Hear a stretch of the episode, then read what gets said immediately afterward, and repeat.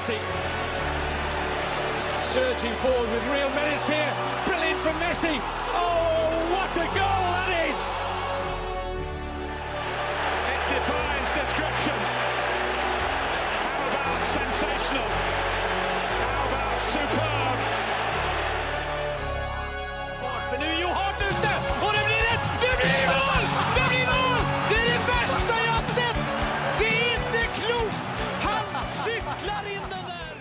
Ja da! Velkommen til episode 221 av den vanedannede fotballpodcasten 90 minutter. Med meg i studio har jeg som vanlig Mats Granvoll Eh, god dag. og Søren Dupkey. Hallo, hallo. Eh, Mats, du står i studio i dag. Ja, jeg har, jeg har litt fysiske utfordringer, så jeg må, jeg må improvisere litt. Aldri sittet i en podcaststudio hvor én står. Nei, i hvert fall ikke hele tida. Nei, Det er litt slitsomt. Jeg har et halebein som krangler fryktelig, så det er veldig ubehagelig å sitte. Og spesielt over mer enn to minutter av gangen, så da får vi stå litt, da. Så det, er, det, det blir litt opp og ned i dag. Kan fort bli det. Så hvis det er noen raslelyder og sånt, så veit folk, eh, folk at eh, det er bare bytte sittestilling. Der ser du hva man ofrer seg for, altså, for å gå gjennom dette her. Ja, det er jo sterkere stille, i hvert fall. da. Når, Ja. Særlig når vi, når vi Altså, vi er jo som regel her i to og en halv time, vi, og snakker fotball.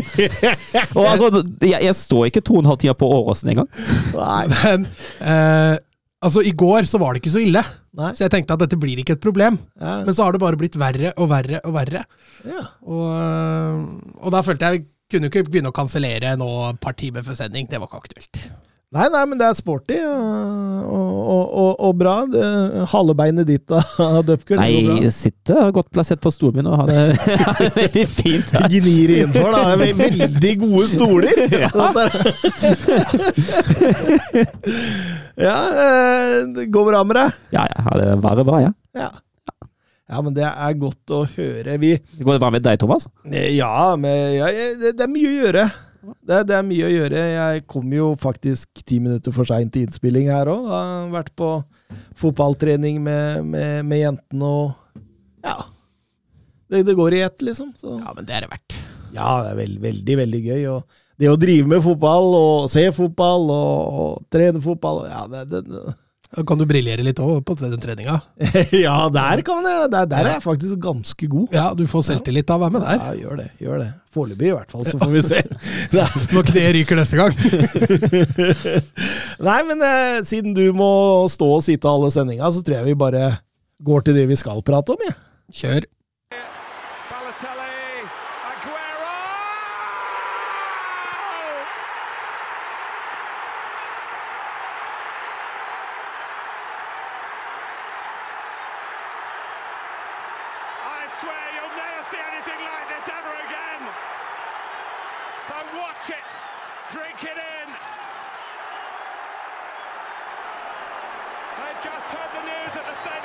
Ja, og vi må begynne på Molineux. Vi må begynne med Wolverhampton eh, mot eh, Tottenham, og det var et eh, ja, det var en, et Tottenham-lag som nærmest var litt skrapa sammen der.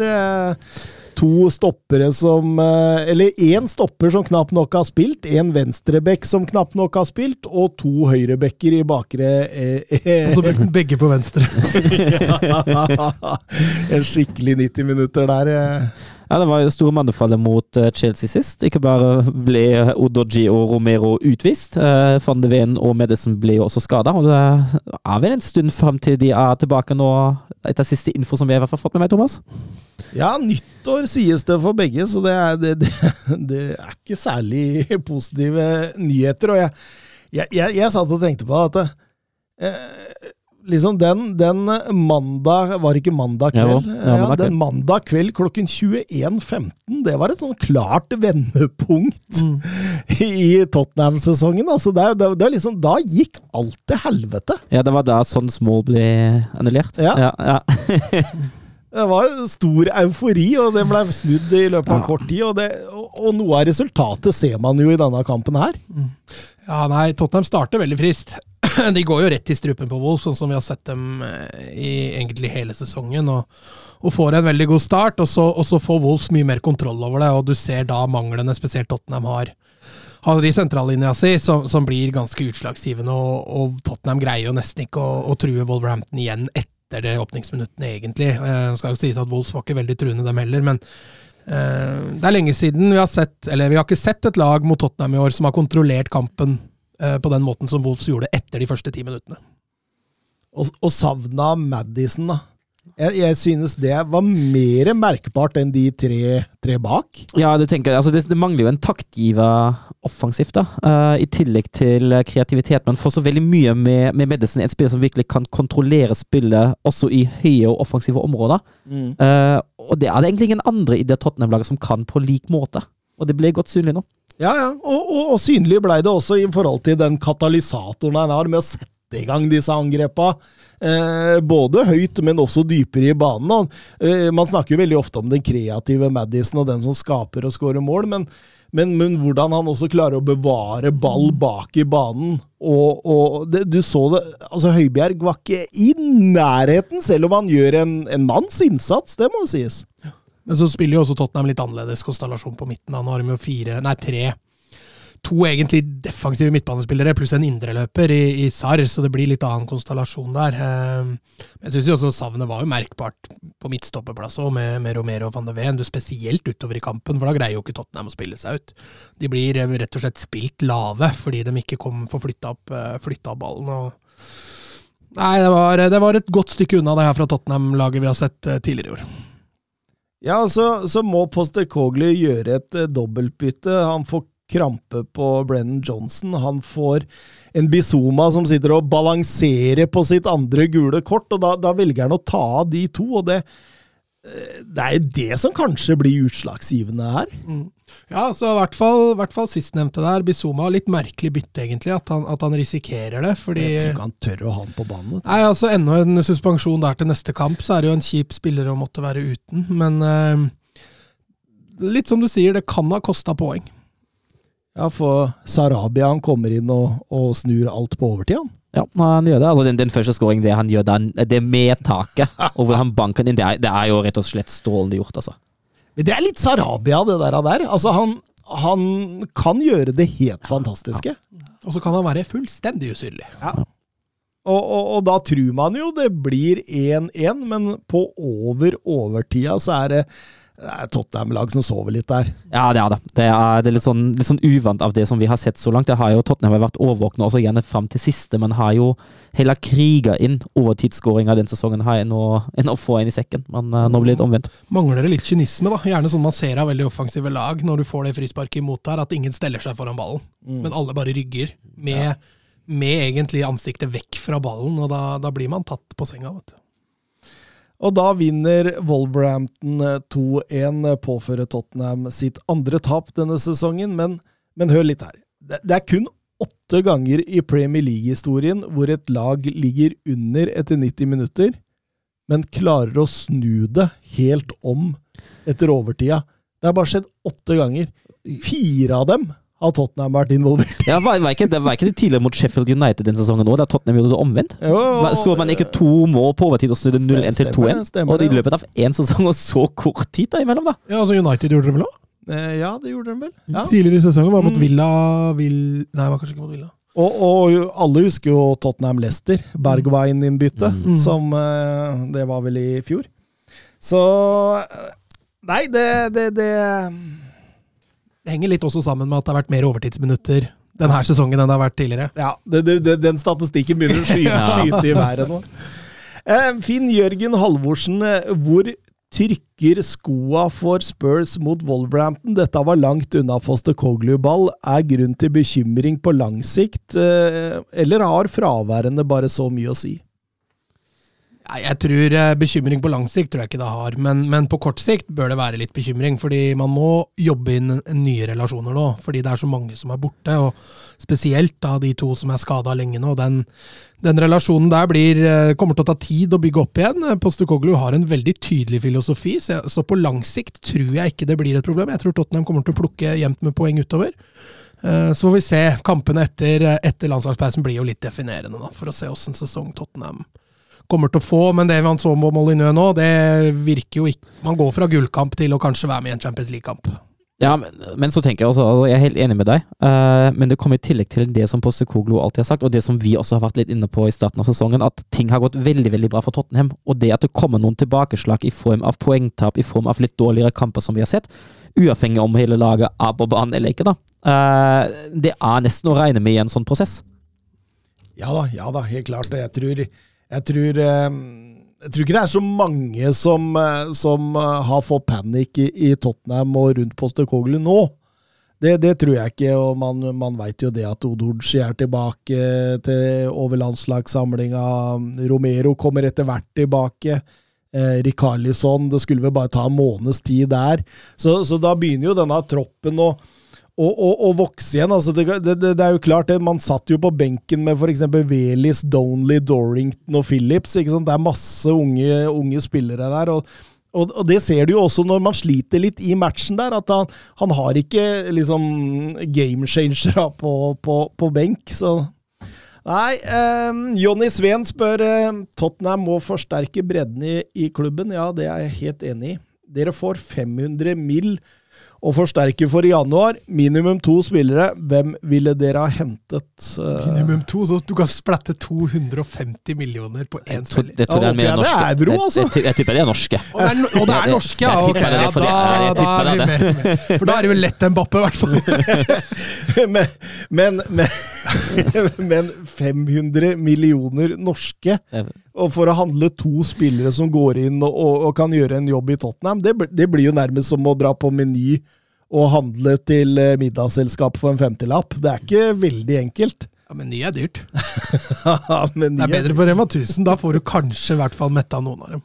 men hvis vi skal holde oss til dette 50, da, så Lloyd Kelly går ut av kontrakt til, eh, til eh, sommeren. Eh, har vært heftig linka. Ung, ja, 25 år, engelsk. Eh, bra fysikk. Kan jo få, kanskje få ham for 20-25. Ja, det går, særlig når kontrakten går ut. Det er jo gjerne, gjerne muligheter å få spillere litt billigere. Mm. Så jeg tenker vi må ha en stopper der, en, en eh, backup-stopper, og så må man ha inn enten en off midt eller en rein nier. Eh, rein nier, da er det Ja, lett det- å tenke på Gyrasi, hvis den Ja, men- klausulen stemmer. Ja, Da er han jo også på rundt 2025, da. Mm. Eh, og han har begynt å snakke om, eh, om at han ikke veit hva som skjer i januar. Så han begynner å hinte litt i retning at han er interessert i å bytte klubb. Mm. Pedro Gonsalves kunne vært en mulighet fra off-mitt. eh, Ja, han har jo, han har jo fada litt, så kan jo hende han er billigere nå. Jeg tror det. jeg tror det. Men det er, det er, det er, det er ikke lett, dette januarvinduet, altså. Nei, det blir jo ja. Ja, kanskje. Ja, men han er ikke noe Han er mer kant. Han er da. kant, ja. Ja. Det er ikke flust av kanter i Tottenham eller? Nei, Det er vel egentlig bare Brennan Johnson og, og Kulusevski som er reine kanter. Ja, når du sier det. Når du sier det. Son kan spille kant, Richarlison kan spille kant. Ja. Kan tenke Lacroix som stopper, da, som erstatter for van de Wien. Mye, mye, mye fart, men ikke i nærheten av å være like spillesmart som uh, Mickey van de Wien. Er det en del, eh, det en del idiotiske straffer og utvisninger og, og alt det der. Men hvis man skulle prioritert, da, så måtte det jo vært en stopper og en nier, kanskje? Ja, men jeg, jeg vil jo da, Hvis du kun skal hente én, så måtte du jo hente en som kunne vært litt fleksibel. da. Jeg mener at du må ha en erstatter for Madison, og jeg er jo for at man i Tottenham at man heller burde ha en kant. For du har Son, som har prestert bra som spiss, og du har Richarlison, som kan spille spiss, og du har også han unge argentineren, som også banker litt på døra. Eh, Så jeg ville heller gått for en kantspiller enn en, en nier, i hvert fall. Ja, vi må videre. Vi går til Arsenal-Burnley. og selv om det etter hvert blir en ganske kontrollert og grei seier for Arsenal, så de, de, de skaffa seg litt trøbbel sjøl. Ja, de gjorde det. Uh, altså offensivt syns jeg liksom den samme mølja som vi har snakka om sist. da. Altså, Bare du stenger de, de offensive rom, da, de sentrale rom, så får Arsenal det litt, eh, litt vanskelig. Og så syns jeg eh, gegenpressing, gjenvinningsspillet, det sitter ikke like bra som vi er vant til, altså. Og det ser man mot sånne lag som Burnley i, i slike kamper, da. Stenge senter og dobler på kant, så, eller dobbel sikring på kant, så, Ja. så, så setter du Arsenal litt ut. Mm, I hvert fall etablert def. Eh, Jeg syns også det er Jeg synes det er kult å se at vi har nå et så tydelig bilde hvor avhengig av Arsenal også er av Martin Ødegaard. Når ting butter litt, sånn som i de kampene her. da. Mm. kreativiteten, bevegelsen, altså, mm, altså si, arealet han dekker, da, både med og uten ball. Nesten Arsenals Madison. Ja, han er litt Ja. eh, Det har vært veldig synlig at man mangla Martin Ødegaard, og Havertz har jo ikke vært i nærheten av å dekke, dekke det behovet der. Eh, Og Gabriel Jesus også selvfølgelig er jo et kjempesavn når Martin Ødegaard ikke er med. Eh, Men i den kampen her, altså Arsenal ja, Det er jo nesten på dødball, de avgjør det. Eh, Og de har vært gode på dødball i år, Arsenal, og, og det, det er noe vi ikke kan holde mot dem heller, på en måte. men uh, og, og et styrketegn når du møter et båndlag og sliter som de gjør, og da ha noe å lene seg på da, som kan gi tre poeng. Ja, helt klart. Uh det er som du sier, det er jo dødball de gjør, stort sett, utenom 1-0-målet, der hvor Trossar Det er for dublitt møte med stolpen der. Ja, det så, det så ikke bra ut. Eh, bra å se at den kom ut igjen etter pausen. Mm. Det var faktisk det tusende målet til Arsenal på Emirates. Men eh, som sagt, den vinner greit 3-1. Fabio Vieira fikk et rødt kort mot slutten der. Eh, Hva tenker vi om på banen. Nei, men jeg tenker, jeg tenker jo det er greit å gi rødt for. Det er greit? Det, det, jeg, tenker, jeg, jeg tenker det, altså, han går, med, han går med knottene først inn, da. Det er litt det, da. Eh, Så, så, så Arteta hylla, det- hylla VAR-avgjørelsen. ja. Nei, jeg, jeg, tenker, jeg tenker den er grei. Ja, det må være helt grei. Eh, Men grei trepoenger til Arsenal også. Fortsatt uten å liksom på en måte komme opp på det nivået Ja, de det, det, er liksom, det er sånn det, da, det er ikke helt det der vedvaren at de, at de maler på, maler på, maler på, ikke sant? da? Eh, altså, de, de spilte seg litt sånn rundt Burnley-boksen mot slutten av første omgang, og for all del, men øh, det, det er litt sånn Vi er nesten litt tilbake til den der donut of, uh, of Setnes. Uh, I noen perioder har jeg litt sånn inntrykk av. Men uh, i motsetning til forrige periode, så klarer de likevel å finne det ene hullet. De klarer å bryte ned til slutt. Og de klarer å treffe på det ene innlegget som på 1-0, som gir dem ledelse. Og det er jo det så, For all del, det et styrketegn, det jo. Ja, absolutt. Eh, Vi går over til Manchester United mot Luton, og alle visste jo hvordan kamp vi kom til å forvente oss der. Det var, eh, var 4-5-1 og, og overlate spillet til Manchester United. og Normalt sett så er jo ikke det en dum taktikk mot United, for etablert off så er jo de jo off. Ja, og jeg syns Luton har sett bedre ut i siste kamp òg. Vi dømte dem jo nord og ned i starten her, men eh, de, har, de har fått på plass en veldig tydelig identitet nå, og litt identifisert seg sjøl på hvor de skal være i hierarkiet. Det, det kan de tjene på i lengden. Eh, og så er det som du sier, da, altså United mot etablert off. Eh, de største sjansene United skaper den kampen, her er jo på dødball og de få kontringene de får. Eh, og så er det litt magi av Bruno Fernandes. Så det er, det er litt, litt av det samme som vi har vært gjennom, men den forlenger jo da Altså Litt likhet med Tottenham, da, som også har fryktelig mye skader, så, så blir også den kampen her litt skjebnesvanger, når, når to av spillerne, spesielt to dansker, må ut med skade her òg. Mhm. absolutt. Eh, Men at Høylund ikke skårer, i første omgang her, det er nesten katastrofe, altså. Ja, og Høylund har jo også en tidlig annen der. Eh, hvor han får hedda upressa utafor. Så, så, så, så det kladde for denne dansken. Ja, I Champions League går det bra. Ja, der går det bra. Der eh, går det så det griner. Men, eh, men eh, når en danske skal fade ut, så er det en svenske som eh, redder Manchester United, Victor ja, Lindeløf. Det måtte jo nesten bli et dødball, det òg, altså. Ja. Men ja.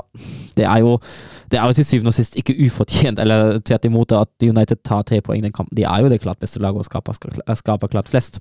Um, Ja, Onana måtte vel i aksjon to ganger der, sånn avgjørende aksjoner. Men Mm. bortsett fra det, så, så har Luton veldig lite å komme med. Uh, Så jeg er enig, enig med deg at eh, det var en veldig fortjent seier, som, som kanskje burde vært større.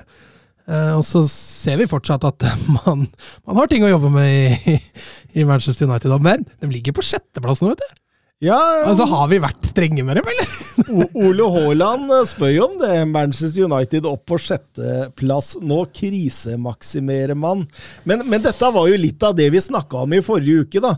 At disse arbeidsseira som stadighet kommer, at de kan være med på å ta bort fokus på ting som faktisk ikke fungerer i klubben. For hvis mange nok nå sier det, at nå, ja, nei, det, det, det er ikke så farlig dette her, så kan det bli en gedigen bjørnetjeneste for dem å tro at alt er bra, fordi det er jo ingen som var imponert over det de viste på Old Trafford nå. Nei, nei, nei, for all del. Uh, og hvis vi ser på expected points, da, så ligger de faktisk på ellevteplass. Mm. Uh, så de har fått uh, De har fått godt betalt, det kan vi si. Og så er det jo det vi har sett òg. Altså, jeg sa jo det i forrige uke at det var snakk om å bygge opp en serie. Det har kommet Champions League, da.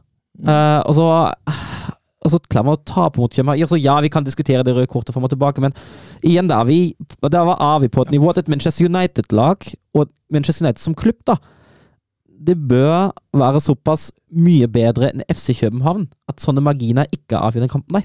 Men er det er, bare for å ta det, er det rødt kort på Rashford? Mm, Jeg, jeg, jeg, Jeg har sett så veldig sprikende meninger Ja. eh, på det røde kortet der.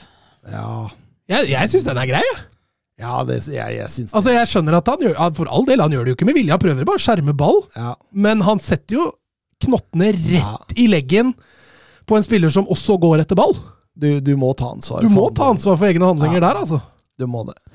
Samtidig er det jo altså når, de først, når de først ser så skral ut som de gjør, da, eh, så er det jo altså, Så er det jo et styrketegn å, å ta sånne knepne seire, da. For all del, for eh, det gir jo trepoenger. Uh, og det sørger jo kanskje også for at man kommer seg gjennom sånne svake perioder uten å tape for mye terreng opp mot topplagene. Men da må, man, da må man se bedring i spillet, da. Så får de litt arbeidsro, da. Altså, Mm. De har hatt et konstant press i nest, helt omtrent siden serien starta med at ting ikke har vært bra nok. Nå har de tabellposisjonen som man kanskje kan forvente av United. Kanskje man forventer litt mer, men det gir det jo ikke at det blir det presset utenfra konstant, da. Jeg, jeg tenker jo, Søren, du sa jo i stad at de får overbetalt i forhold til eh, expected points. Og når du da ser lista over trepoengere de har, da Ja. Wolverhampton, Forrest, Burnley, Brentford, Sheffield United, Fulham og nå Luton. Det er ikke et lag der. Eh, kanskje med unntak av, unntak av Brentford, som er i nærheten av å kjempe på øvre halvdel en gang. Nei, Så det er jo ikke, det er jo ikke, det er ikke strålende trepoengere, dette her. Nei, og i tillegg har man jo Altså, det som man har sett mot storlaget da, mot Manchester City var man, altså Jeg starta ordentlig, men til slutt langt unna. Mot Newcastle Ligacupen langt unna. Mot Bayern i Champions League, ja, det ble bare ett mål, uh, men spillemessig var man langt unna. Andre omgangen mot Tottenham var Ja. de eh, Ja. feid av banen. Ja, Første omgang var jo grei nok for all det, men den avstanden til de store lagene, da, eh, den ser spillemessig og på banen da, ut til å være større enn på tabellen, og det er jo bekymringsverdig. Alle de laga jeg nevnte nå, Mats, absolutt alle de laga har en vunnet med ett måls margin. Tenk det. Det var ikke så veldig god målforskjell, altså. Det er det du sier. Nei, det, jeg har ikke sett på målforskjellen deres, men, men ett måls margin Ja. på den rekka med lag det, altså, Samtidig, de ligger nederst i Champions League-gruppa si med FCK og Galatasaray. Mhm. Eh, hvor de også møter Bayern München i den siste kampen, og det kan heldigvis være redninga deres at Bayern München kommer til Old Trafford der og har ingenting å spille for og kan hvile mange spillere. Eh, så, så det spørs jo litt hva man legger i krisemaksimering. Eh, selvsagt kommer ikke Manchester United til å rykke ned. Sannsynligvis så kommer de heller ikke til å komme på nedre halvdel av tabellen. Men vi snakker om en av verdens største og mektigste, mektigste fotballinstitusjoner her. Altså, det, det, det, er jo ikke bra, det som vises her. Altså, det er Luton som kommer på Old Trafford, og man, man har ikke voldsomt mange sjanser. Nei, altså, altså er det jo ikke altså, altså er det på en måte greit å ha, å ha en eller to sånne off-kamper der man hangler seg til seire, men jeg føler at det eneste som United har gjort så langt, er egentlig å hangle seg fra seier til seier, da. Mot svak Mot svak motstand. motstand. Det er akkurat det, og det er litt sånn Det kan jo egentlig ikke Manchester United være bekjent av. Eh, vi har fått flere spørsmål. Lattis-type Jeg kan ta flere i, i ett eh, jafs her, for det var mange som på en måte ligger i samme kategorien. Vi begynner med Lattis-type. United har nå teknisk sett den beste formen i Premier League. Hva tenker dere om det? Eh, Benjamin eh, spør eh, hvem Manchester United eventuelt bør kjøpe i januar, og, og nisselue på han lurer på om Eller nevner Guehi, Tapsoba, Hinkepi og duoen Inazio Silva som mulige stoppere, som Benjamin foreslår Todibo. Eh, men, men, men, men, jeg har sagt dette før, og jeg kan godt si det igjen. Erik Ten Hag har brukt 500 millioner euro nå uten at laget har blitt vesentlig bedre.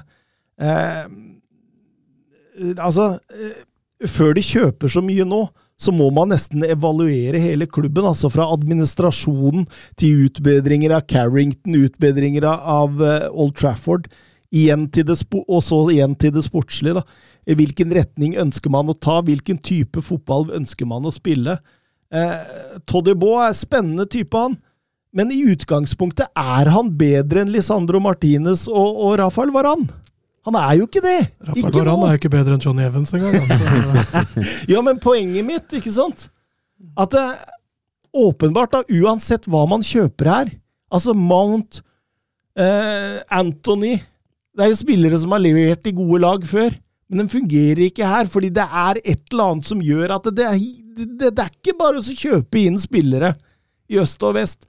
Og jeg tror det er liksom der man må begynne, da. Å se hvor er det skoa trykker der. Mm. Ja, det, ja det, det, du er inne på noe der, altså. Uh, det er jo ikke noe som kan nødvendigvis fikses ved, ved å kjøpe inn et spill eller to. Nei, det er ikke det. det er ikke det. Altså, Laget der er jo mer enn godt nok til å vinne knepne seire mot Luton og, og, og, og, Sheffield United. Altså, Du har en Bruno Fernandes, en Marcus Rashford, du har Høylund, som, som er, var strålende i Serie A, men ikke skåret mål i Premier League. Du har to av verdens antatt beste stoppere. Du har Casimiro, som har vunnet alt som kan vinnes. Du har kjøpt Mason Mount for en halv milliard. Du har kjøpt Anthony. Du har, altså, Onana i mål. Ja, Onana. Ja. Veldig godt eksempel også. Altså, her er det jo verden, altså, antatt verdensklassespillere over hele fjøla. Men da må man jo begynne å se på hvorfor fungerer det ikke. Og da hjelper det ikke å bare hente en eh, La oss si en Hinkepy og en, eh, en Guhehi da, og så tro at det ordner seg. Det er ikke sånn mekanismene er i fotball. Så jeg tenker at uh, her må man roe seg ned. Og så må man Hente Haaland. analysere situasjonen i klubben her. og hvis folk tror, altså, som, som Lattis-type skriver, er teknisk sett den beste formen i Premier League Ja, ok, hvis man slår seg til ro med det, ja, ok, da får man gjøre det, da. Men det er, ligger jo ting bak her som er mye, mye skumlere og mørkere enn akkurat de resultatene man ser i dag. Så jeg tenker at eh, ja, det var min lille utblåsning. Skal vi gå over til Liverpool? Ja.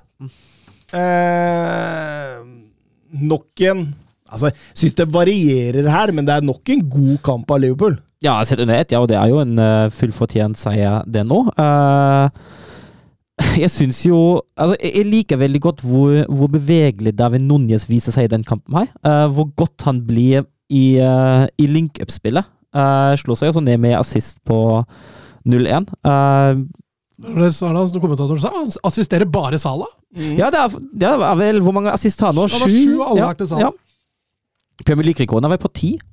Ja, han er det. Til, for, altså at En spiller har assistert ti ganger på rappen de første ti assist i Premier League til en annen. Jeg husker ikke hvilket det var i farta. Nunes har ikke spilt så mye i år, egentlig.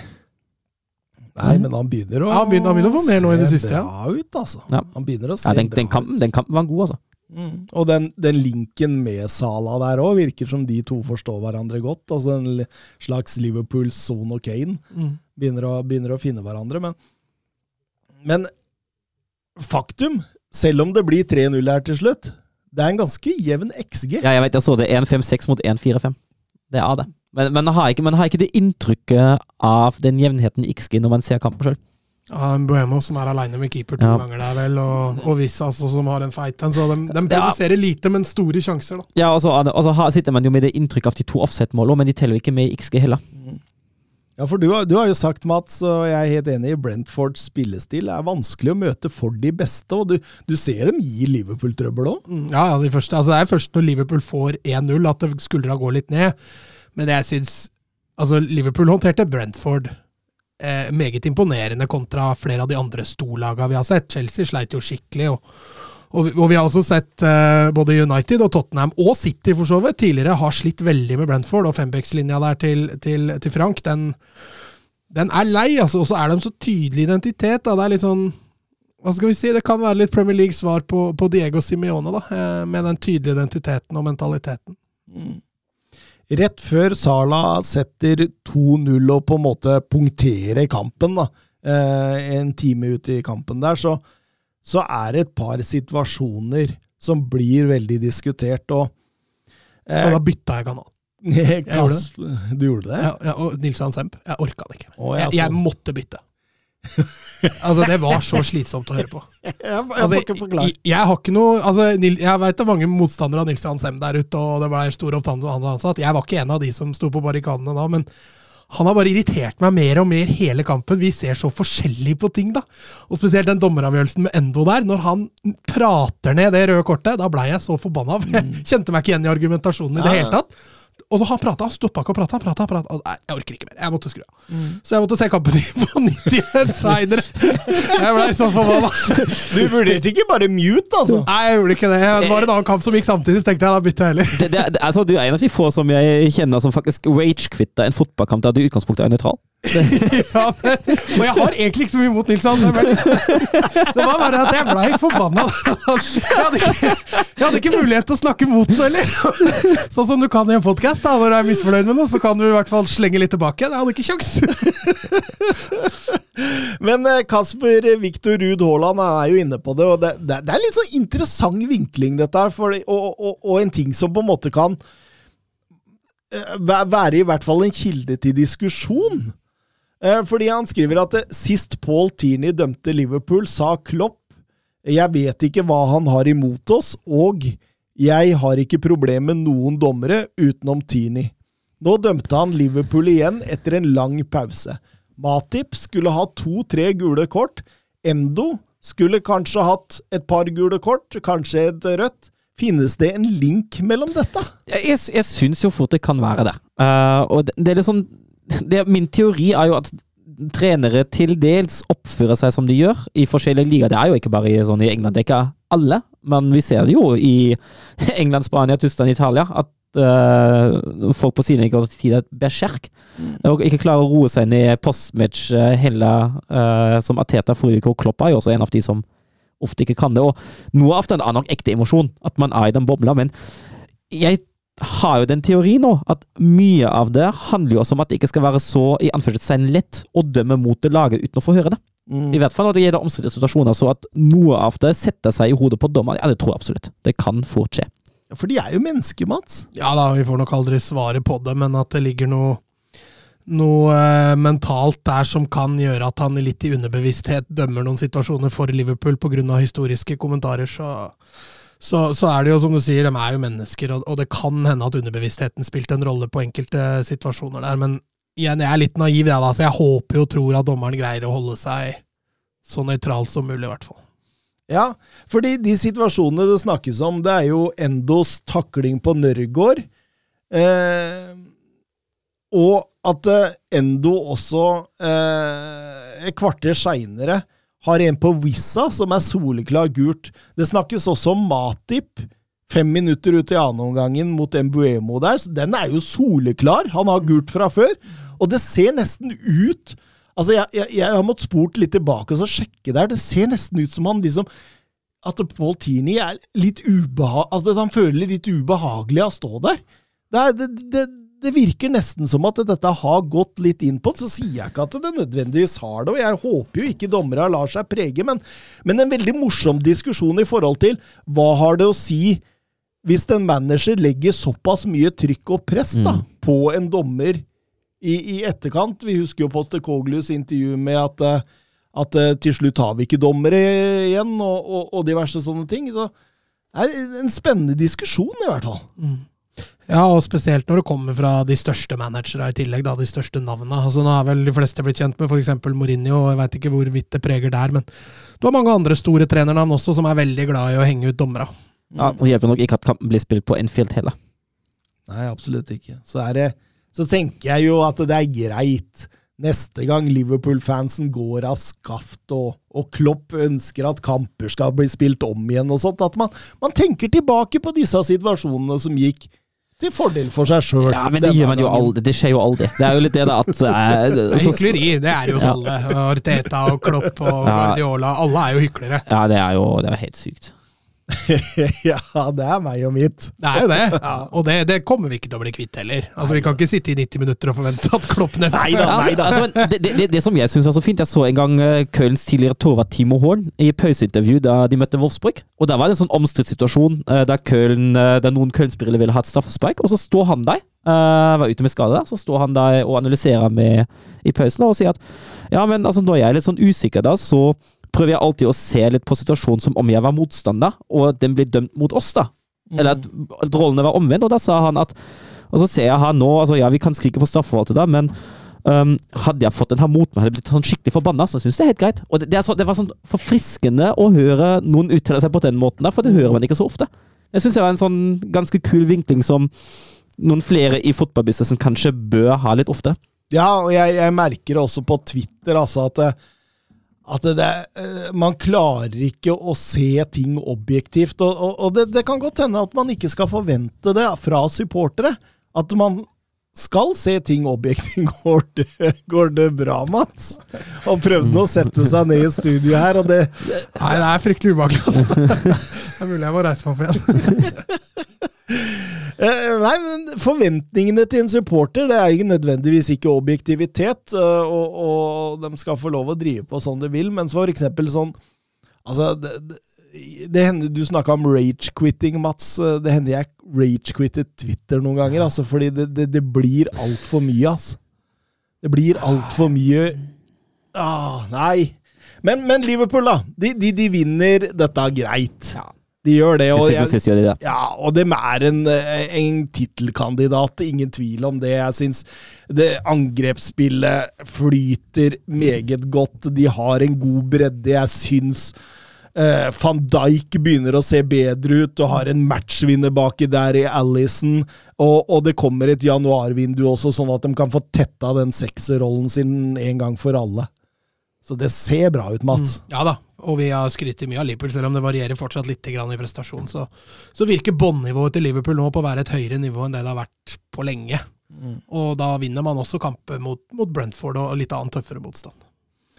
Vi går over til eh, Ja, det var vel en av de mer spinnville kampene man, man, man hadde denne runden. En reprise fra Champions League-finalen for to og et halvt år siden. Eh, etter den kampen så har City vunnet hver eneste mot Chelsea uten å slippe inn et eneste mål. Mm. Eh, men eh, her ble det noen mål imot. Ja, Chelsea, altså Chelsea prøver jo fra start. Jeg syns jo Chelsea kommer, kommer, best ut av blokka òg. Eh, de er aggressive, de er, de er direkte, uh, og jeg syns uh, Det syns egentlig Egentlig hele første omgang at Citys offensive markering svikter ofte. Uh, det, er, det, er, stort strekk i laget. Jeg syns de blir litt sånn stående litt sånn midt imellom. De står litt sånn halvhøyt, men har ikke den nødvendige aggressiviteten mot ballfører når Chelsea frispiller seg. Og så blir det strekk i mellomrommet. Uh, og så får, får, Chelsea vendt opp fort inn i mellomrommet. Bruker kantene godt til å komme seg bak, uh, og da begynner City å få litt trøbbel. Det er ikke ofte du ser Walker sliter én mot én gjennom en hel match. Altså. Nei, absolutt ikke. De, de, Pochettino hadde trykka på noen knapper her. Og du ser hvordan han tar veien rundt presset for å så slå inn i mellomrom, og så rettevende mm. disse gutta som eh, tidligere i sesongen ofte ble spilt feilvendt. da. Mm. Nå, nå, blir de spilt rettvendt, og da ser du eh, hvor farlig det kan bli. Altså Stirling han ser jo ut som en diamant igjen. Mm. Ja, da, I alle dager, Hvilke knapper har han trykka på der? Ja, Det lurer jeg på. Vi, vi kalte den nærmest Don. Ja. Og, og, nå ser det ut som Han har begynt å bli, han har begynt å bli jevn nå. Ja, ja. Det er ikke bare snakk om, men det er nesten hver kamp, så er han og, og, de der småtoucha sitter mm. bedre. Så det, det ja, Men når han rykker forbi Walker der for tredje gang på kort tid Da Mm. veit du at nå er han i form igjen. altså.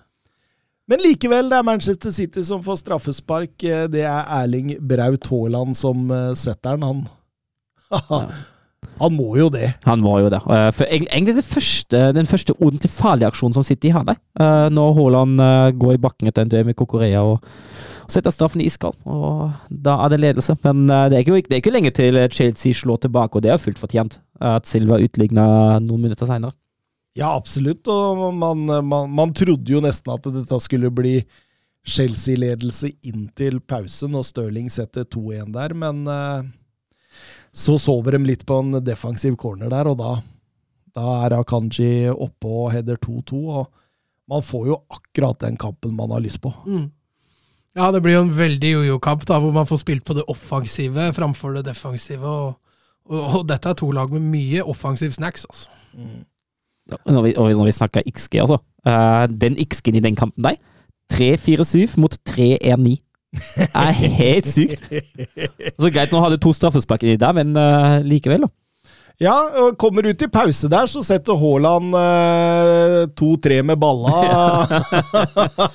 Ja, han kommer skliende inn på bakerste i kjent Haaland-stil, og så vipper han den over med store testikler der.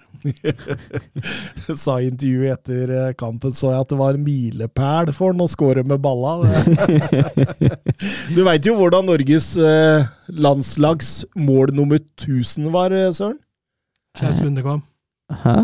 Klaus Lundekvam skårte jo det tusende norske Ja, landslagsmålet men, eh, det- med kølla. Med, jo, det, ja. Ja, ja, ja. Det er, det er milepæl, det. Dobbel. Det var nesten litt sånn køllesving òg.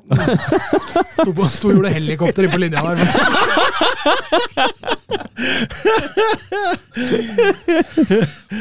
Men eh, da leder City 2-3, og jeg syns de er bedre i kontradekkingen. De har fått justert, og, og de slipper mindre Chelsea til i disse farlige rommene, Søren. Ja, jeg er helt enig. Eh, Da kom det, kom det noen justeringer. Men Chelsea, altså jeg syns ikke Chelsea gjør seg bort heller. da. Altså Jeg syns de er fryktelig aggressive. De er, de er godt på. De plager City tidlig.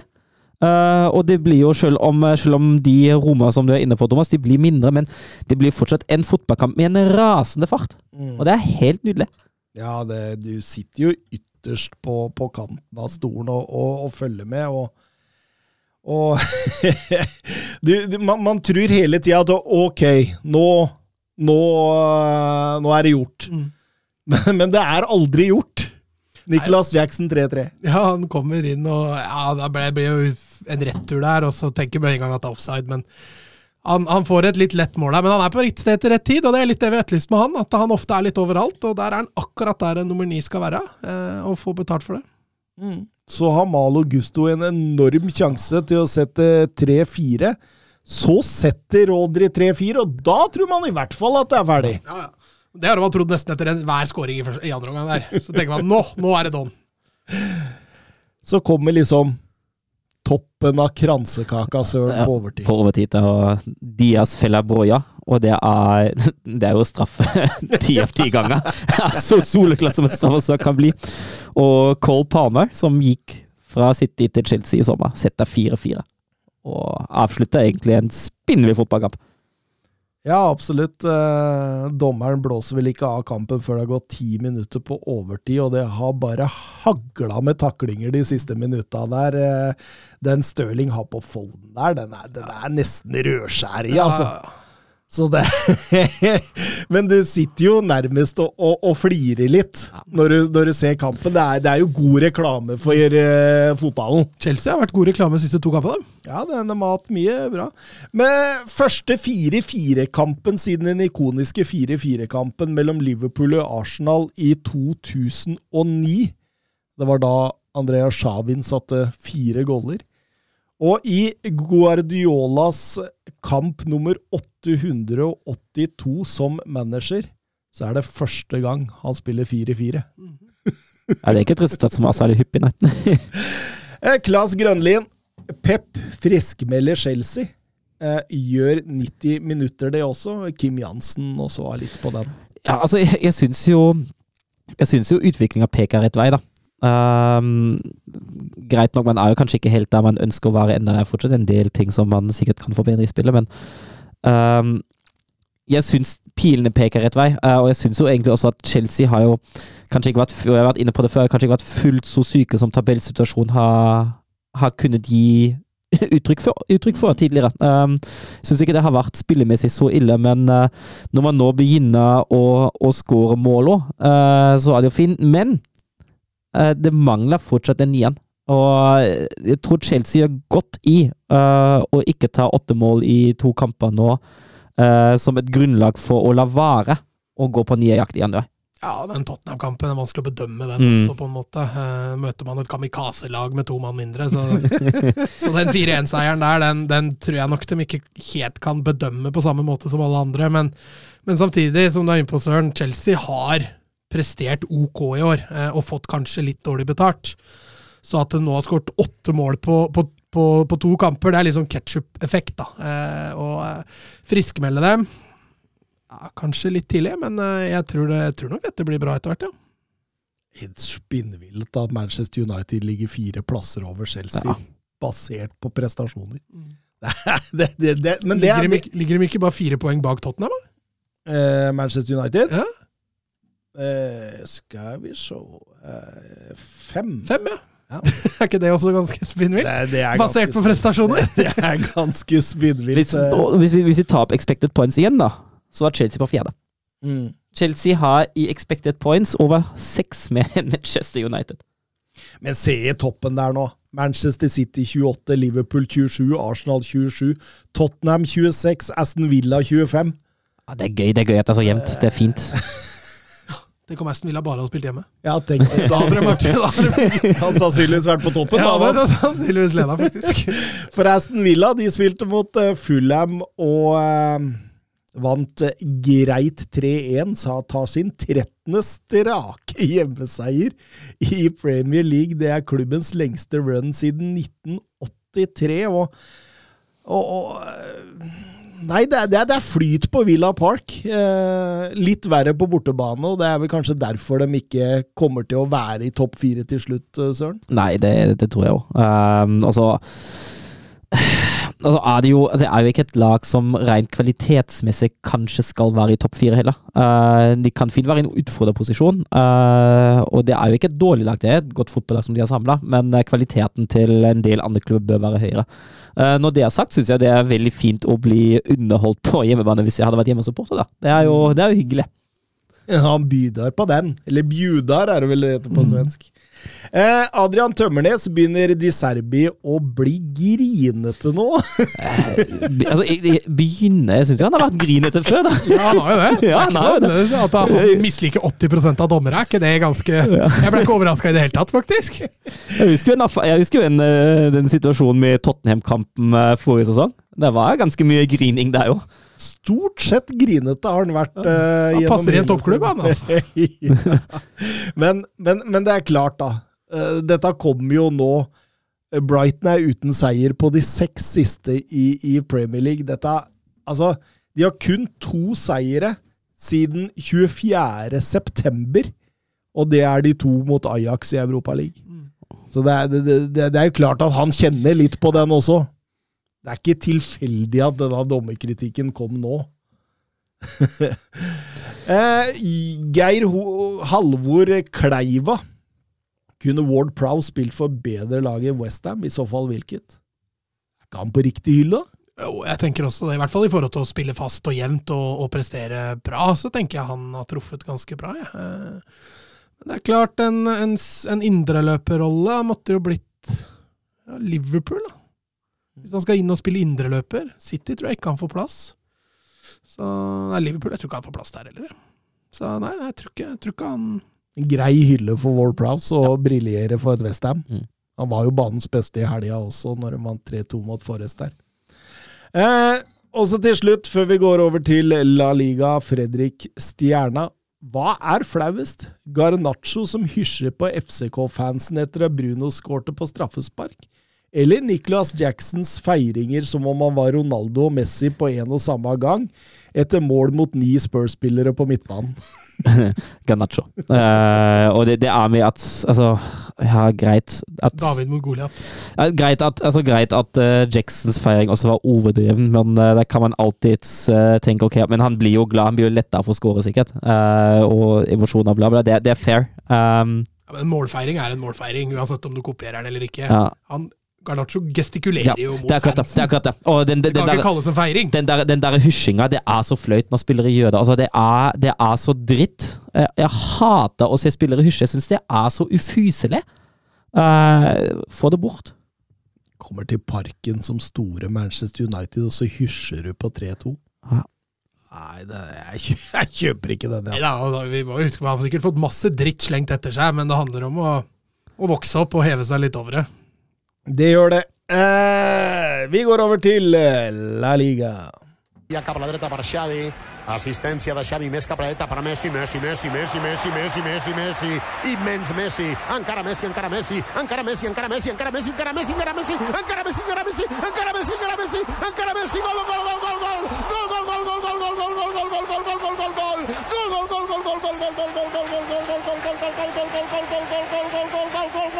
Yes! Vi begynner med Real Madrids eh, oppgjør mot eh, Valencia. Et Real Madrid som fikk eh, Bellingham eh, skadet eh, uka før og, og var ikke klar. Og da, da var jeg litt sånn spent på hvordan de skulle Sette opp laget. ja, og takle dette.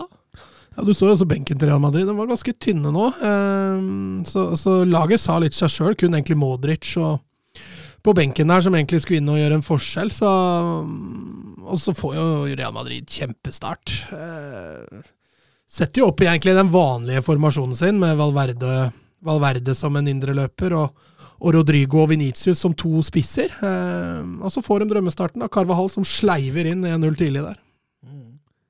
Men selv om de har fått drømmestarten Det er jo fortsatt en Altså, vi, vi, vi har jo sett det så mange ganger at Real Madrid gjerne sover over det første kvarter 20 minutter. Altså, ja, de får skåringer, og ja, de får en, eh, et frispark i tverrliggende Kroos er det vel.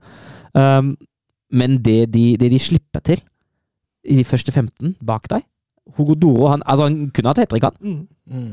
Ja, de er griseheldige som ikke Ja. har sluppet inn eh, Lenin i mål der, som, som, eh, som har noen par fantastiske beinparader der. Sa du Lenin? Lunin. Lunin. sa, sa jeg Lenin? Jeg tror det. Lunin. I ko kommunismens navn! Skikkelig dårlig gjort overfor ukraineren. Ja, det, det, det er noe dobbel betydning òg, siden det er en ukrainer. Ja. Han Lenin i mål der, han. Nei, det var ikke meninga. Det var en talefeil. Vi skylder det på at jeg står. Eh, Men nei, så jeg er helt enig med Søren. Real Madrid er heldige som ikke har både én og to i sekken eh, første kvarteret der, altså. Mm. Mm. Ja, altså, og så synes jeg heller ikke at man, altså, de blir stabilere bak De blir stabilere bakover etter det, det er greit nok, men jeg syns ikke de skaper så voldsomt mye heller. Altså, det de skaper, er jo mest overgang og litt sånn fart på kant uh, bak bekkene. Uh, men mot etablerte skapes ikke voldsomt, altså. Nei, absolutt ikke. Og det, er, det, er, det er jo liksom tilfeldigheter som gjør at kampen blir som han blir. Når Hugo Duro altså Han bomber jo på ballen fra tre-fire meter Ja. der. Altså Bare minuttet før det står 2-0 rett før pause der med Vinicius, og da Og, og, og, det, det er på en måte det minuttet der, da. Hugo Duros bom, eh, Vinicius bryster inn 2-0. Mm. Der forsvinner mye av det. Ja, og så begynner Mamadashvili i andre omgang å gi bort mål. Så det, det er klart De hadde nok ikke veldig forhåpninger når de gikk ut i andre omgang, det er Valencia, men, men det blei jo mye styggere enn det det egentlig var. Hadde ikke du en XG på den òg? Jo, den, er- den, var, den var fryktelig jevn. Jeg tror, jeg tror uh, hvis jeg husker det riktig, at Valencias XG til og med lå knepent over, over, Real- over Real Madrid sin. Skal vi se. Det var 1,91 på Real og 2,03 på Valencia. Ja. Det var to på bare Hugo Duro. Helt sikkert. Ja, Han ville ikke skåre mot gamle, gamle lagkompiser, så nei, det var, det var ikke veldig overbevisende av Real Madrid. Samtidig så skal vi ikke glemme skårer fem mål, og, og to av dem er jo fantastiske. Venitius viser igjen pro på, på klasse eh, og, og begynner å, produsere igjen på målpoeng. Og veldig viktig for Rodrigo å begynne å skåre mål igjen. Han har jo slitt veldig med selvtillit og, ikke minst produksjon. Så, så, mye positivt for Real Madrid å ta med seg herfra òg, uten at man nødvendigvis bør legge et glansbilde over det. Ja, Eivind Stølen lurer på om uh, Rodrigo får godkjent. Ja, det syns jeg. Han trodde han spilte Champions League. Han, han satt og hørte på hymnen i garderoben før han gikk Og så var det jo Det måtte jo skje at Hugo Duro fikk, fikk seg et mål på slutten der. Og ja. Oppda melder faktisk at eh, Hugo Duro er den spilleren som har missa flest store sjanser i La Liga denne sesongen. Allerede oppe i åtte. Halvparten kom jo mot Real Madrid nå. Han lå på sånn tiendeplass før den kampen. Vi går over til eh, Barcelona mot uh, Alaves. Uh, Barcelona kom fra 0-1-tap mot Shakhtar i Champions League, noe som ble betegnet som en skam i spanske medier, uh, Mats. Og, og, det tar jo ikke lang tid før ballen sitter i nota igjen. Nei, altså, og, det Vi var jo litt inne på det da vi venta på deg. Det å få baklengsmål etter 17 sekunder når du sjøl har avspark Altså, det er jo det, det, er jo noe som det, det, skal jo ikke skje. Altså, uansett hva. Men altså, det er jo, det er jo Gunnoan som mister ballen, uh, og så går det fort, og det er greit nok. Og Gundogan uh, driter seg jo loddrett ut der, men det er jo, altså, hvis du ser på avsparket Det første Bassa gjør, er jo kalkeballen kalke ballen langt oppover. Mm. Og det er jo så utypisk Barcelona. Var det ikke mot Granada de også fikk en kjempetidlig. Jo, jo. jo, Saragossa som skårte tidlig der. Eh, nei, de har sluppet inn noen tidlige mål denne sesongen òg. Eh, og de to siste kampene til Barcelona, spesielt første gangen mot Alaves og begge egentlig omgangene mot Shakhtar, det er så flatt batteri. Og han gir jo Shawi i den kampen her òg mye vann på mølla til kritikere, spesielt valget med Arrojo på høyrebekk og Kondé som stopper. Altså, du har jeg tenker jo at Skal du dytte Arojo ut på venstrebekken, skal det være helt prekære trusler. Altså typ Venitius junior eller Mbappe du skal, øh, du skal øh, demme opp for. Det fins ingen andre grunner til å sette det som er, i hvert fall i mine øyne, verdens beste stopper når han er i form, på høyrebekk. Jeg finner ingen årsaker til det. Og Samu, han spissen på Alaves, han lekte med, med Jules Condé. Og det går altså en halvtime fra han gjør det byttet, som jeg satt egentlig og ropte av deg etter ti minutter, når han hadde mm. pissa på Condé to-tre ganger der Uh, og det går en halvtime. Han skaper da fire store skåringsmuligheter, Samu, mens, uh, mens Kondé spiller stopper. Han skaper null etter at Arojo kommer inn uh, som mm. stopper. Og, og, de tar hele brodden ut av Alaves offensivt. Så det er litt tegn de to siste kampene nå som viser at Xavi Jeg skal ikke si at han mangler lederegenskaper, men han gjør noen grove feilvurderinger, og han endrer for seint. Ja, det, det, det, det, kan man trygt si. og det, det, dette er jo det defensive, men det offensive òg det, altså det er Man er litt tilbake til Kikesett igjen, altså. At man er eh, voldsomt eh, Det er så lite trusler inn bak, og det er for lite strekking og bevegelse inn mm. foran. så det så det, det, blir veldig mye spill og sidelengs og bakover og, og det, Nei, de, de, er inne i en blindgate nå, altså. Mm. Ja, og i fjor vant de jo 1-0 i disse kampene her, uten å nødvendigvis imponere i alle av dem. Uh, I år så sliter man i langt større grad. Uh, det er litt som du sier, det mangler litt det relasjonelle offensivt. Man har ikke tydelige, tydelig nok mønstre, og så er det altså, Det blir kanskje feil å ta Lewandowski etter denne kampen, da, men, men han er jo Altså, han spiller jo med to-tre bein. Altså, han er jo nesten umulig å bruke, bortsett fra foran kassa. Jeg, jeg, jeg syns det var litt artig når Lewandowski satte inn 1-1-skåringa eh, tidlig i annen omgang der, for da tenkte jeg det var faktisk de tre svakeste Barca-spillerne fra første omgang. Lamin Jamal, Hols Condé og Lewandowski som sto for den, mm. det målet. og Lewandowski, altså, hvis du følger med på han under kampene, så får han fryktelig mye juling. Altså. Mm. Spillere er på den, hakkeren på leggen, sparker ned. Uh, han får veldig mye juling. Uh, og jeg tror nok han føler seg litt urettferdig behandla av dommerne underveis. Så for all del, jeg unner den skåringen i og men det er som du sier, jeg syns han, han, har vært rusten nå egentlig helt siden i fjor, uh, fjor vinter. Oskar Caveio Holm han har oppfatta en situasjon etter 71 minutter han, hvor Lamin Jamal kommer fri inn i boks og har Lewandowski som mulighet å spille på, men han skyter isteden, og så går denne 16-åringen bort til Lewandowski for å, for å få en liten high five, og blir bare fullstendig oversett. og han lurer litt på er dette en dårlig stil av en mann som er 20 år eldre. Ja, jeg syns det. Uh, jeg synes det, Når du er en så erfaren spiller, så den rollen du skal ha i laget, er jo nettopp det å være en, en rollemodell og kanskje en form for, for veileder for, for yngre spillere. Uh, og Altså, det er jo greit å kritisere valgene til spillere på banen, og det er jo greit å gi beskjed, men det er, jeg mener at det er mye mer pedagogisk og målretta uh, om man oppfører seg annerledes, om man heller tar det, tar det på en pedagogisk måte at ja, ja, neste gang spiller til meg, liksom. Uh, du ser jo at jeg er i bedre posisjon. Uh, så ja, nei, jeg er enig i at det er litt dårlig stil. Jeg syns det. Særlig fra en så erfaren spiller. Hadde det vært to 16-åringer og sagt ja, ja. Og i sosialistiske Norge så ser det helt grusomt ut. Mm.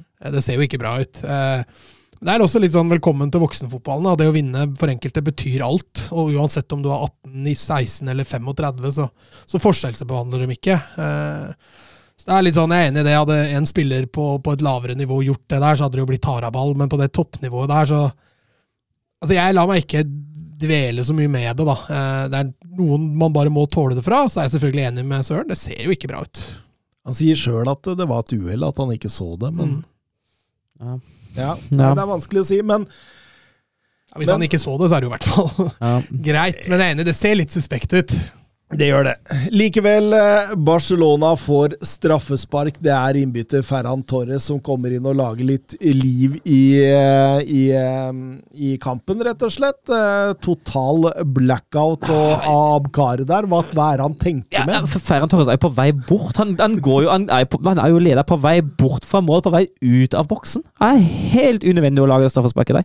Jeg tenker jo at han tror han er først på ballen der, at han skal bare safe, og så kommer Ferran Torres litt fortere enn han han beregner. Men jeg er helt enig i å gå ned der og takle. Det er, det er risiko uansett når det er, og, og, fryktelig urutinert. Lewandowski setter straffen, og dette vil kanskje overraske dere, men eh, i denne La Liga-sesongen har Lewandowski flest poenggivende skåringer i La Liga. Ja. Hele ti poeng har kommet av Lewandowskis mål. Eh, Bellingham på ni ja. og Moreno på åtte. Så han er fortsatt betydningsfull. Mm. Ja da, for all del. Men jeg bare sier at han er best når han er rettvendt i boks. Mm. Eh, men Barcelona drar i land en litt sånn sliteseier uten å imponere, og Torjus Hansen eh, spør Mats eh, hva han tenker om tapet mot Sjaktar, og at de sliter hjemme mot Alaves, og at svarene Savi gir, er ikke noe annet enn å skylde på pressen. Mm. Uh, ja, nei, altså Sjakta-kampen, den, den, var forferdelig. Altså, det var, det var et stort steg i feil retning. Altså, det var kalde gufs fra den verste Ronald Coman-tida. Uh, så det, det, var ikke bra. Uh, og Alaves-kampen klarer man jo å grinde ut tre poeng, sånn som man også gjorde mye oftere forrige sesong. Men da, da dro man jo opp seier på seier på seier på seier. Nå blir det litt sånn annenhver gang, og da blir det lettere å, å ta dem på det. men det er jo som du påpeker, altså det offensive, det, det er så lite relasjonelt, det er så få samtidige bevegelser. Eh, det er så mange touch som hver enkelt spiller skal ha når man nærmer seg boksen. Og det er ofte bare ett gjennomløp. Felixen han, han er for så vidt ganske underholdende å se på, men, men, det blir ofte for omstendelig. Det blir ofte for mange touch. Lamin Jamal, altfor sjelden at han tør å utfordre. Det blir ofte å gå hjemover, spille støttepasning. Og så blir han også ofte altfor brei. Eh, Fermin Lopez, siste kampene har han ikke greid å komme seg inn i 16-meteren. Han har stort sett stått utafor. Pedri er fortsatt veldig rusten, så vi får, vi får ta, det litt, uh, ta, det litt, etter hvert. Og så er det Gundogan. Det er eneste lille snev av kreativitet vi ser. Når han blir rettvendt foran motstanderens boks, så kan hva som helst skje.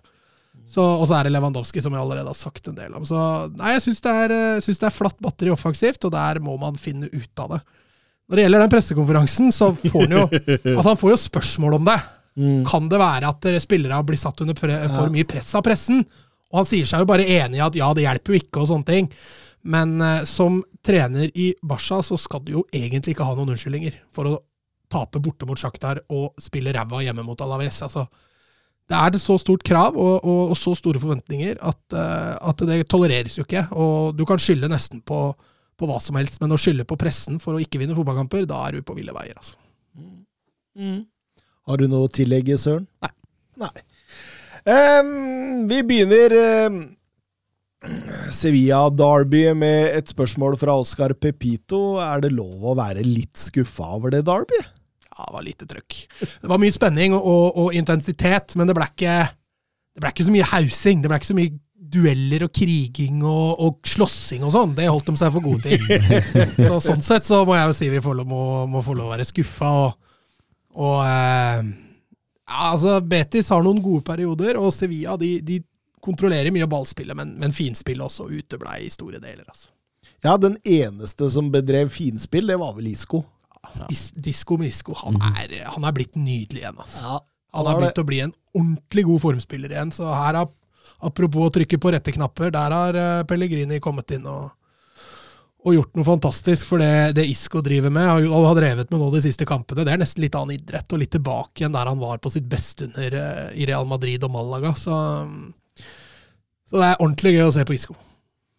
Vi får eh, to kjappe skåringer der etter hverandre, Dupker. Eh, Ja, en keepertabbe og en drømmeskåring. Eh, det var jo litt fortjent at eh, Betis etter hvert tok ledelsen, syns jeg. Eh, jeg syns jo det, de, de har vært klart Ja, farligste Betis laget. kunne jo leda 2-0 Ja. til pause der. Altså, Eh, og så er det jo en fryktelig boksing av Dimitrovic som, som bokser den rett foran Perez, som eh, egentlig får en enkel opp med å sette den på mål. Men Rakitics utligning noen meter seinere, herregud, for et, for et treff, for et skudd. Ja, jeg ville vel sagt at det var rundens desidert fineste scoring om vi ikke hadde en i, i Serie A vi skal prate om litt seinere. men var det ja, hvis,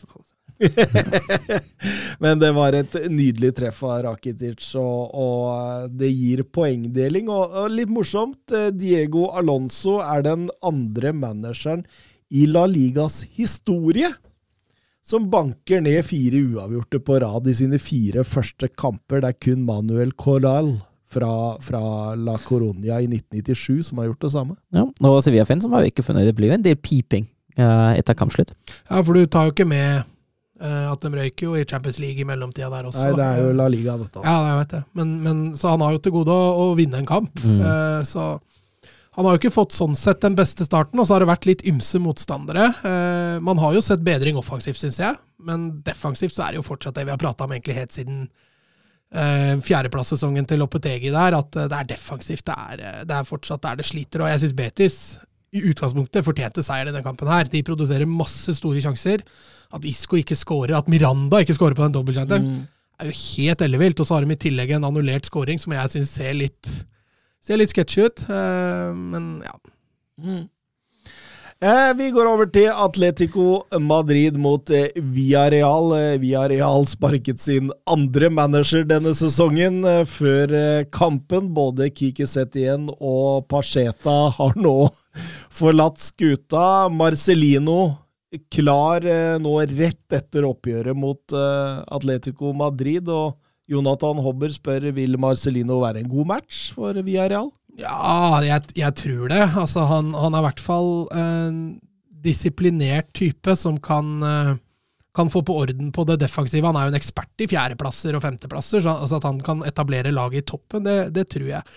Eh, og så får vi jo se. Jeg syns jo denne 4-4-2-formasjonen vi har, har prøvd seg litt på nå i det siste, har ikke fungert.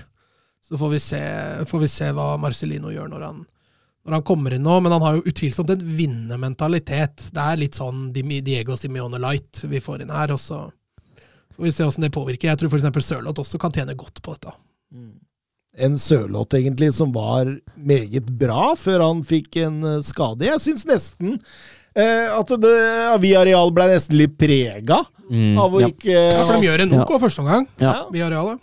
Ja, og det er jo fortjent at de leder for all del. Eller, de leder ikke til pause, men at de tar ledelsen etter 20, er fullt fortjent. Det er jo Sørloth som offisielt også har assisten, og det er jo han som fyrer skuddet som Oblak i retur på, som uh, Morino setter inn. Men uh, ja, det er synd å se han gå av der, for sesongen hans har jo vært uh, veldig bra så langt. Mm. Ja da, Han har jo lang kontrakt i Villarreal òg, så er, de er jo nødt til å satse på han. Men, men samtidig så syns jeg han har levert jevnt. da. Eh, Han har stort sett et mål, eh, skårer jo mål i nesten hver kamp. så... Ja, og jeg syns ofte at det har vært kanskje Sørlands problem, at du har hatt noen kamper som har vært veldig gode. Uh, I hvert fall i topp fem-ligaene, og så har det, har det vært noen andre kamper som har vært veldig anonyme. Uh, jeg syns de anonyme kampene blir det færre og færre av. Ja, fordi 1-1-målet til Witzel det kommer etter at Sørloth gikk av banen, og jeg syns på mange måter at uh, Atletico Madrid eier resten av, av, kampen kampen der. Uh, fullt fortjent når uh, Grismann setter 2-1 og, og Lino 3-1. Mm. Ja, bra innbytteskåring de har på slutten her. Fin kontring. Og når de først får 2-1, så, så begynner dette Atletico-kontrollering igjen. Og da Da greier aldri Villarreal. Du ser på overtid der, så har de også gitt opp. Så ja. jeg, jeg syns det var fullt fortjent Atletico-seier. og ja, nå, nå grusa de også i midtuka i Champions League, men de gikk jo på en smell helga før der, så de, de måtte slå tilbake igjen. Mm. Mm, absolutt. Og, og Grismann. Eh, vi har sagt det før, og vi kan vel si det igjen. For en fotball han spiller nå. Ja, det er spesielt den andre. Han var jo ræva mot Las Palmas da, i forrige, Ja, ja, så det var steg. ja. Men han viste seg igjen nå. eh, Og assist og scoring og eh, er fantastisk. Da begynner han å løpe mye og dekke mye rom igjen. 300 mål i, i profesjonell fotball med, med skåringen eh, mot Villarreal eh, for klubb og landslag. Så det, selv om han ikke på en måte har vært en av de ypperste målgjørere, da, så er han jo så mye mer i måten han vandrer rundt der og er kreativ. Og han er jo både en målskårer og en tilrettelegger og en Lagspiller. Ja, ja. Han, Så, han gjør jobben uten ball òg. så det er meget, eh, meget sterkt. Eh, Petter Halseth, hvor gøy og dust er da Diego Simione å sammenligne Morata med Haaland i mål og tall? Ok, man kan komme unna med mye som manager, men man kan ikke komme unna den rene statistikken. Altså, Diego Simione har sittet og forklart at nei, sånn tallmessig så er jo Morata på nivå med Haaland. Det er, det er, ganske vilt å melde. Det er ganske vilt å melde også. Ja, det kommer an på hva slags tall. da Hvis det er antall touch på ball i løpet av en kamp, så er de jo vel ganske Ja, og, og, på, og på antall offside leder til og med Morata. Ja, og så Hvis du tenker på antall kilometer løpt, så vil jeg jo tippe Morata ligger godt an. Ja. Men, men altså, det, er, det er jo tullete. Uh, det er jo derfor de, hvis, altså, hvis du ser tallene over de siste tre åra, med tanke på mål, så ligger Haaland langt foran uh, Alvaro Marata. Men eh, altså, samtidig er det jo egentlig litt fint da, at, en, tren, at en manager prøver å, prøver å, styrke sin egen spiller og gi en selvtillit via offentlige uttalelser òg. Ja, eh, ja, men blir ikke blir ikke jækla påtatt? Ja, det blir jo det. Blir jo det. det blir jo det. Altså, det blir jo, det blir jo det blir nesten litt sånn pinlig å, å se på for all del. Det blir nesten som om liksom en av jentene mine skulle skåre sjølmål, så går jeg ut og sier at det er godt gjort, men jeg mener jo ikke. Mm. Ikke sant? Altså, ja, ja. 400 når de skal sjømann? Eller godt forsøk, da. Okay. Det var et godt forsøk, ikke sant? ok, ja, det skjønner ja. Og så mener jeg jo ikke at forsøket var så godt, ja, ja. Ikke sant? hvis du skjønner hva jeg mener. da. At det, man, altså, det, det, blir så Altså, det blir så påtatt. da. Jeg, jeg sjekka litt eh, uh, måla her, da. og og Morata har, er, er, knapt nok opp i 40 av måla Haaland har. Og da, da, da mener jeg at du nærmest gjør den Altså, det hadde vært mye bedre da om man hadde sagt Jeg syns Morata eh, leverer eh, omtrent like godt som de beste i verden, f.eks. Haaland. Ja. For da, altså, da, da er det mer til tolkning. Mm. Men tallet er jo Tallet er jo tall! Ja, det er, det er, og det man kan ikke. Man kan jo ikke krangle med tall. Uh, det, altså, hadde han sagt noe om, om det spillmessige, uh, så hadde det vært noe annet, for all del. Men uh, Selv om vi hadde ledd da òg. vi hadde lett da òg, ja ja. Men uh, der kan han, da kan han finne en eller annen forklaring hvorfor han mener det. Men ja, tall, tall er det ikke å gjøre noe med. Nei, det er ikke det, altså. Girona, Mats. Ja, de durer på videre, dem. Nå var det en sterk eh, borteseier mot, uh, mot Rayo i forrige kamp. Uh, havner tidlig under, men, men snur igjen. Altså. De, de har en strålende moral nå eh, spiller som jeg sagt spiller ganske offensiv fyr fotball. Det er jo liksom Girona og Leverkosten i år, der Napoli var i fjor. Da. Jeg tror fortsatt ikke dette holder helt inn, på langt ifra, for de har en altfor tynn stall. Men toppnivået til Girona i år, og moralen de har vist så langt, hyll, hyll.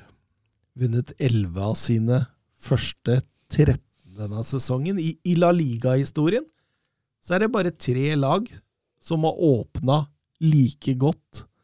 Det er Real Madrid sju ganger. Det er Barcelona seks ganger. Og det er Atletico Madrid to ganger. Det, det setter det i perspektiv, altså! Ja. Og de har jo møtt ja, det var jo Et av tapene kom mot Real Madrid, da, men de har jo møtt eh, et par av storlagene oss. De har jo fått vist, da. Eh, og så har de jo den forsen da, som vi snakker om før, når du ikke er med i Europa, at du kan konsentrere deg om dette her. og dem, Selv om det er noen lånespillere fra City Group inne i bildet der, så, så holder jo ikke det noe tilbake igjen for det de har levert. Men i neste kamp så blir det vel to langtidsskader og to røde kort, og så er det alt snudd. På viktige spillere. Det er Savinio og Sjugunko og og Erik Garcia på rødt. Ja, stemmer det. Er, er det noe du kan relatere til, Thomas? Nei, nei. Vi får ta med oss at Real Sociedad vant eh, 3-1 borte mot eh, Almeria, og eh, ja, henger seg med i toppen der. Ja, de, de, de har imponert i år. De har gjort det veldig bra åpning i, i Champions League og holder følge med Inter i toppen der. Og, og eh, vinner når de virkelig trenger det. Det var litt slow start mot, mot Almeria, men på slutten der så avgjør de det greit. Fortsatt ti poeng for Girona ned til eh, utenfor topp fire nå, altså. Ja, det, det, er, det, er, det, det er jo mulig. Ja, jeg tenker at det er Ja. mulig, men, eh, men, men du sitter jo samtidig og venter på den knekken. Ja, man gjør det. Men, eh, men veldig gøy. Vi går over til eh, Bundesliga. Er macht ein richtig gutes Spiel. Jan Schimonek. Die Wolfsburger lassen so gut wie nichts zu. Grafit. Grafit gegen Lell. Jetzt wird's eine Demütigung. Guckt euch das an. Bist du verrückt? Bist du verrückt? Tor des Jahres. Die Bayern der Lächerlichkeit preisgegeben. Ja, Søren Døpker, for en gangs skyld så valgte jeg å sette meg ned og se, se 90 minutter med Wolfsburg, og, og hva er det jeg får servert på fredag kveld? Kovac-ball. Gratulerer. Uh, nei, det, det, altså det, det der var jo grusomt. Uh, sesongens klart svakeste kamp, og det har vært noen dårligere også. Uh, det har vært noen dårlige kamper, men den der tar kaka. Kanskje ti Altså, du så jo kampen etter meg, og jeg hadde jo et utbrudd i chatgruppa at nå må han jo få fyken. Jeg skjønte hvor kampen bar hen. Ja, eh, og så sendte du jo bilde av at du hadde satt deg nettopp ned og, og begynt å se han. Og så kommer du sånn ti minutter inn i kampen, skriver du vel Ja, det var jo grei start, da. Ja, Og bare svarte med Du får bare vente på ja for det var en Ja. grei start. Det var en grei start. De første ti ti-ish, de var greie. Kontrollere Ja, greit. Ja, skaper ingenting, selvfølgelig, Nei. Kovac, men uh, kontrollerer helt ok. Og så, og så ett baklengsmål, og så rakna hele sjappa. Ja, det kan. Eh, Når, når Chwanchara setter inn uh, 1-0 etter et kvarter, så bare rakner alt. Uh, og altså og, eh, Det begynner jo med lagoppstilling. Altså, det er jo Det, det nesten virker som å trekke lott, da. Når, når du ser hva Slatsjeni har hatt litt trøbbel med å tilpasse seg Bundesliga til overgang fra Tvente, men har visst potensial. Nå landa han endelig og skåra i cup mot Leipzig. Han skåra mot Veda Bremen i, i Bundesliga-kampen uka etter. Og så er han ute til fordel for Jakob Kaminski, som har hatt en grei første sesong, men som har slitt litt denne sesongen, som ikke har vist noe sluttprodukt i det hele tatt. Hvorfor, hvorfor skal han starte i den kampen, der? Mm. Eh, Arnold eh, får beskjed at nå er du bare Nå, nå er du egentlig bare benkesliter, så er han, er han tilbake i start. Riktignok fordi Svanberg er skada, men det går jo sånn hele tida at det er tre, fire, fem endringer i, i startelva. Man, man famler fortsatt. Han har hatt det laget i ett og et halvt år nå, og så famler han fortsatt etter en startelva. Eh, det virker som om det kun er treningsinntrykk, ikke kampprestasjoner som har noe å si, og det blir jo helt feil. Uh, man varierer mellom fire- og trevektslinjer, og alt det der. Og det det for, meg, for meg er det ikke noe tvil om at uh, Niko Kovac bør gå nå. Uh, det var krise, krisemøte i, i Wolfsburg i dag, med sjefene, men med Kovac. Og for meg betyr det at han i hvert fall får Leipzig-kampen. Ja, for Jørn Henland spør jo hva må til for at Kovac skal gå, er det et supporteropprør? Ja, det, det, men det, det, nærmer seg nå også. Eh, jeg sa jo det forrige kamp. Nå, nå gikk jo sjef, altså sportssjefen gikk jo ut nå etter kampen og sa at uh, vi ønsker oss litt mer stabilitet, vi ønsker oss litt mer kontinuitet, Uh, og det gjelder også spillerne. Uh, det ryktes nå i både lokale medier, men også i Kikka at han er i ferd med å miste garderoben. Um, supporterne begynner å bli meget kritiske, lokalmedia begynner å, begynner å pirke borti, uh, og det når det kommer offisielle uttalelser fra, fra klubben, også, det er igjen starten på slutten, og jeg ser ikke at han snur den skuta her. Uh, jeg gjør ikke det. Jeg ser ingen tegn. Jeg syns utviklinga er negativ, og jeg skjønner ikke. Jeg forstår ikke hva som er grunnen til at man ikke sparker nå.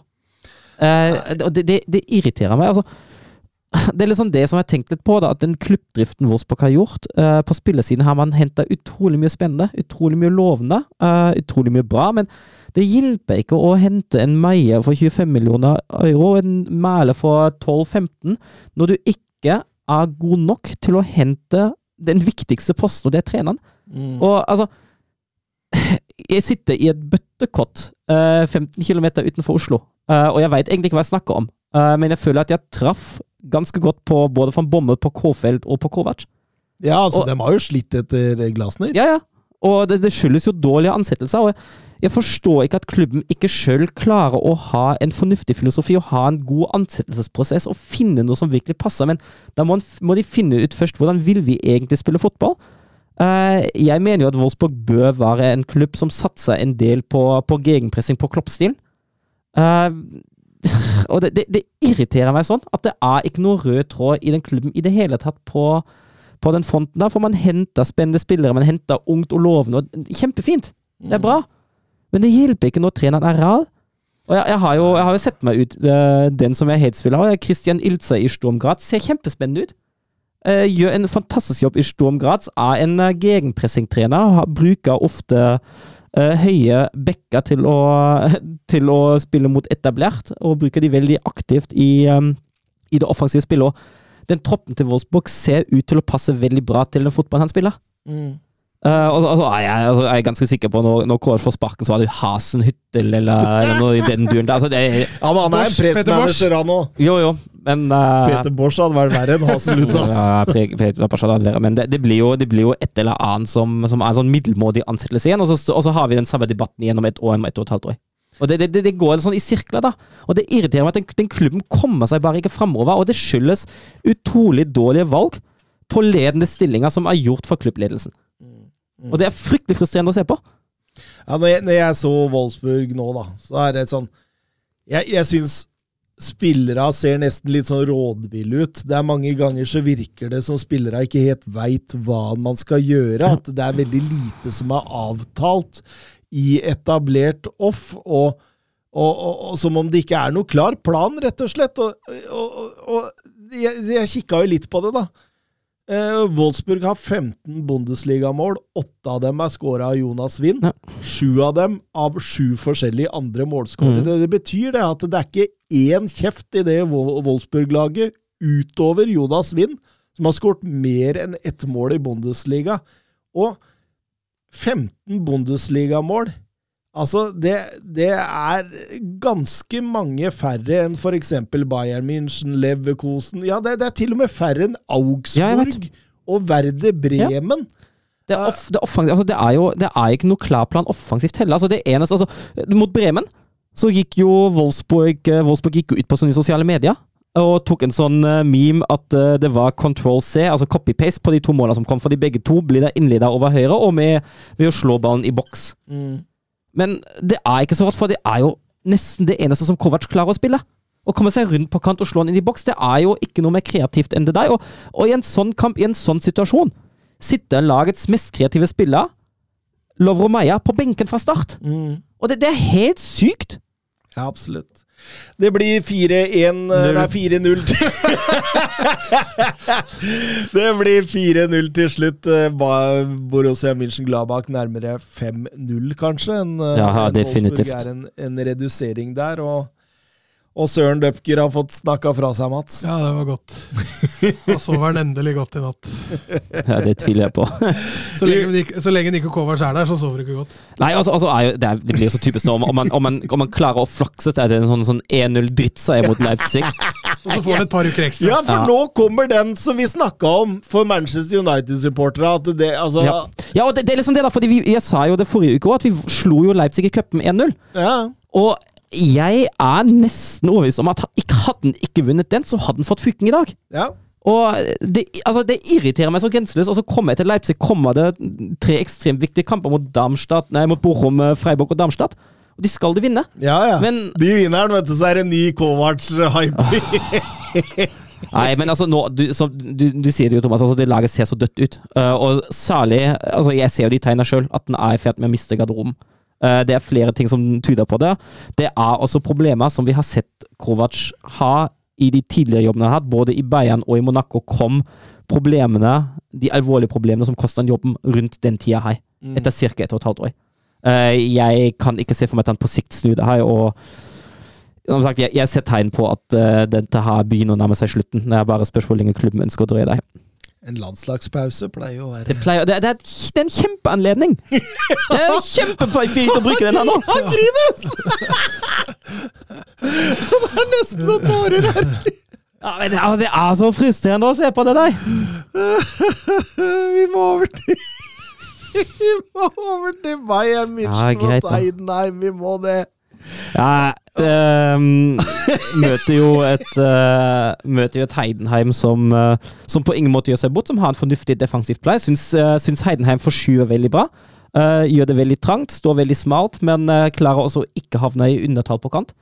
Eh, gjør en eh, god defensiv jobb. Eh, varierer jo veldig mellom 4-4-2, 4-5-1, 5-4-1 og en sekser faller mellom stoppene. Men da er det klassen eh, til eh, Leroy Sané og Harry Kane nok en gang som sender Bayern 2-0 opp. Og den, særlig den 1-0-skåringa, den, den er så klasse. Ja. Den, det er, altså, hvor, hvordan eh, Sané finner Kane, og hvordan Kane klarer å skaffe seg det rommet og få avslutta kontant mot egentlig et så trangt område, da, Ja. er helt enormt gjort. Det målet hadde han ikke klart i Premier League, tror jeg. Det tror jeg kun er fordi han Må ikke hisse må ikke hisse den mer opp her, da! Nå Snart har lytterne våre tør, tør ikke å spørre oss om eh, men, men så syns jeg også, altså, når vi går litt utover i andre omgang, og særlig nå, nå um, Torre begynner å bytte ut, men ser det som de problemene som Bayern har med den tynne troppen. ikke sant? Da, fordi han tar ut Opamecano uh, etter en time for Guerreiro, Eh, og da da går jo Leima, som starta som, uh, som sentral defensiv, går på høyrebekk, mens Raoiv, som var høyrebekken, går på Opamicanos posisjon. Uh, og Guerreiro kommer seg inn sentralt. Uh, Bonassar starter jo den kampen med, og ikke starta en kamp på Oda-kan. Eh, han er jo egentlig ute i kulden. Eh, og Tuchel altså, altså går, kommer Darmst- eh, nei, Heidenheim tilbake og skårer to kjappe, og det står plutselig 2-2. Ja, Det er Bayern sin egen skyld, eller? Det er det. det, er det. Altså 2-1 en overgang da Choupo-Moting mister ballen amatørmessig, og 2-2 den feilpasninga til, eh, til Kim. Altså, men, men da satt jeg og tenkte, har de tatt dette alvorlig nok, liksom? Mm. Men uh, slår jo slår umiddelbart tilbake uh, med Guerrero som skåra sitt første for Bayern. Da, da er det jo kjørt. ja, og det er jo bevis på at de ikke tok det alvorlig nok, Ja. tenker jeg. For da bare gira de opp igjen, og så, og så vant de. Dette er greit. Og Tore, Tore var jo ute i etterkant og sa at uh, både fysisk og mentalt ah, det, det er jo litt slitsomt. Og det går jo litt sånn inn på, inn på den perioden. Altså nå, nå er det sånn avgjørende at Bayern klarer seg gjennom den perioden har med den tynne troppen de har. Eh, så vi får se. Det, er- det er litt spennende. Det hjelper jo at de er videre på førsteplassen i Champions League. Uh, som du sa før, Thomas, så kan man jo hvile spillere der. Absolutt. Uh, Gustav Horndal, to seriøse Kane-spørsmål. og så har han adressert ett til Søren Ja. og ett til oss, Mats. Uh, til Søren, du sa før sesongen at du ikke trodde Kane ville oppnå Lewandowski-tall. Står du for det nå, i så fall hvorfor? Nei, jeg tror jeg tok feil, nei. Um, så lenge Kane Hvis, hvis Kane blir Dingler du, Ja, jeg gjør det. Uh, hvis Kane blir, eh, holder seg skadefritt uh, over store perioder av den sesongen, så kan vi fort snakke 40 mål. Altså. Mm. Og så spør han oss, da, Mats. Tror dere Kane tar Lewandowskis rekord på 41? Det var vel ikke ingen av oss heller som hadde troa på det før sesongen, egentlig. Nei, vi sa bare Lewandowski-tall, vi. Ja, ja. Eh, og eh, det har jeg fortsatt troa på. jeg vingler ikke for det. Men at han kan Altså, han har Er det 17 nå? Den er 17 på 11. Ja, det står igjen 23 kamper. Hvis han fortsetter i samme tempo, eh, leste jeg et sted, så vil han oppnå mellom 51 og 52 mål. Ja, det, er, det har vært helt sinnssykt. Mellom 51 Ja. og 52? Ja, 51,5. Ja, nei, altså sånn han står nå. Altså, jeg er enig med Søren. Altså, han, er jo, han må skades, tror jeg, for at den rekorden ikke skal eh, ryke. Ja, det kan fort bli det, altså. Det, eh, å hviles, skades, et eller annet sånt, men eh, Nå hviler han en kamp, altså det hemmer han jo ikke noe særlig. Nei. Han skårer jo to og tre i hver match. Ja, han er, han er ekstrem. Ja. Han er ekstrem. Han er det. Eh, Stuttgart Dortmund eh. Ja, det- var jo en uh, åpenbaring i deg. Eh, jeg syns jo Dortmund hadde utvikla seg litt i riktig retning de siste kampene. Eh, og så er man tilbake til det her. For eh, det vi ser av Dortmund, da er jo akkurat de samme svakhetene som vi har snakka om eh, tidligere denne sesongen òg. At de takler ekstremt dårlig å bli pressa høyt. De takler ekstremt dårlig eh, når det er trangt i sentrum. Eh, det, det klarte ikke å deale med her. Og jeg syns jo det er vi ser allerede fast at de valgene som tas med ball, da, når de skal frispille seg Det er ingen som tør å spille opp en feilvendt uh, på midtbanen for så å kunne få en tredjemannsbevegelse Uh, og spille seg ut av press, sjøl i situasjoner der de egentlig hadde potensielt overtall mot Stuttgarts press. Det velges ofte Det lange, men blir ofte stressa. Uh, og da blir det vanskelig å etablere noe spill. Eh, og Stuttgart er jo det soleklart beste laget, og det jo helt sykt at ikke de er 2-0 opp, minst, når de har spilt en halvtime. Helt, helt klart. De bommer jo på et straffespark der, blant annet eh, Kobel. Første Dortmund-keeper som redder et straffespark på ti år! Ja, det er Weidenfeller var den siste.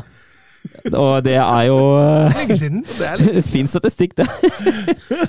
Men det er som du sier, Søren. eh, Stuttgart kjører det, har flere sjanser. Det er nærmest Stuttgart mot Kobel. Ja, det, og Kobel, eh, Kobel gjør nok en eh, enorm kamp. Altså, nå lagde han jo straffesparket sjøl, da, eh, før, som han redda. Men eh, de, det er noen av de redningene han har. Eh, Den ene mot Leveling der, hvor han eh, kommer seg akkurat i tide ned. og det er Mm. Stående kamp av Kåbel, og så er det fullstendig mot spillets gang. At, uh, at Fullkrok uh, setter 1-0. Men da er det en av de veldig få situasjoner Dortmund faktisk klarer å spille over presset. Mm. Da er det akkurat de passing og bevegelser som, uh, som de bør prøvd oftere på.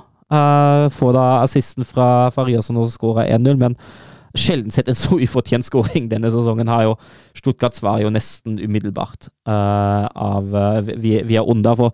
Men da òg, ikke sant altså, Benzebaini kommer inn for Hummels og tar den venstrebekken, og Benzebaini har jo slitt litt med det defensive. Uh, sist også mot uh, Frankfurt i den 3-3-kampen. Da var han svak, og der igjen, da.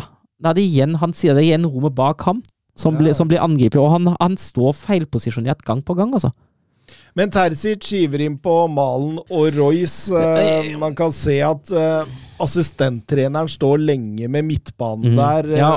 Åpenbart mye justeringer som skulle Ja. til der. Ja, og jeg synes jo, altså I andre omgang går jo Dortmund ut i en form for 4-2-2-2 mot ballen. Eh, at man står med, med de to offensive midtbanespillere tett opp på pivotene til Stuttgart. Og at man, har, at man ikke havner, havner i uh, undertall sentralt. Uh, og det blir jo litt bedre. Stuttgart kjører jo ikke like mye, uh, selv om de kjører fortsatt godt. Og Stuttgart er jo fortsatt det bedre laget. Uh, Eh, Chris Fyrich, han var overalt. han var overalt, og han har hatt en fantastisk sesong. så. Altså, man har snakka mye om Girasi, men uh, Fyrich uh, han, har vært, uh, Ja. vært fremragende. Sånn, bra, altså. Mm.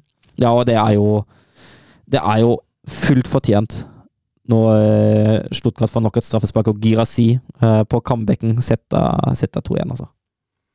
Ja, og Konradsen, eh, med navn, fornavn Fredrik, eh, spør eh, to identiske situasjoner når Kobel lager straffesparkene. Det første gir dommeren gult på, det andre gir han ikke gult på. Kan dere forklare den? Ja, det som, det som var, var sagt, da, var at um, på den første så er spilleren som Kobel feller, på vei mot mål. Uh, og da er det en, en klar målsjanse, og da blir det gult kort etter reglene.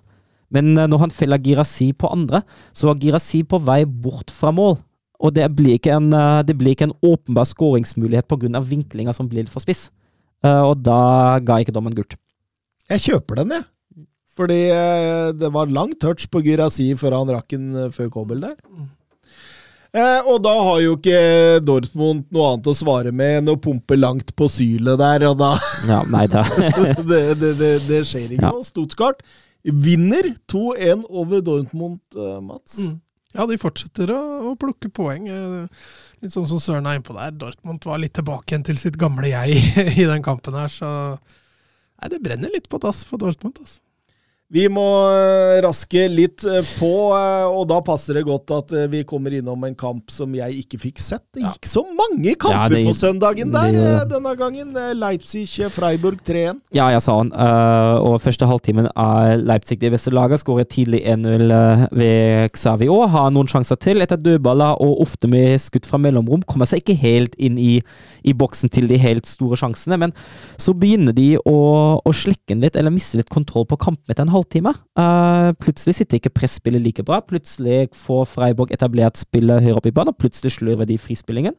Uh, Fint 1-1-mål der. Merlin Røhl, ja. Den uh, tunnelen på, på Klostermann og inn i lengsa er nydelig. Den, den er sterk. Um, og så er det litt sånn samme kampbilde som før pause, at det er en hjemkamp med litt sånn slurv. Det er intenst, men det er ikke høyt, høyt klasse over den fotballen som, som spilles der.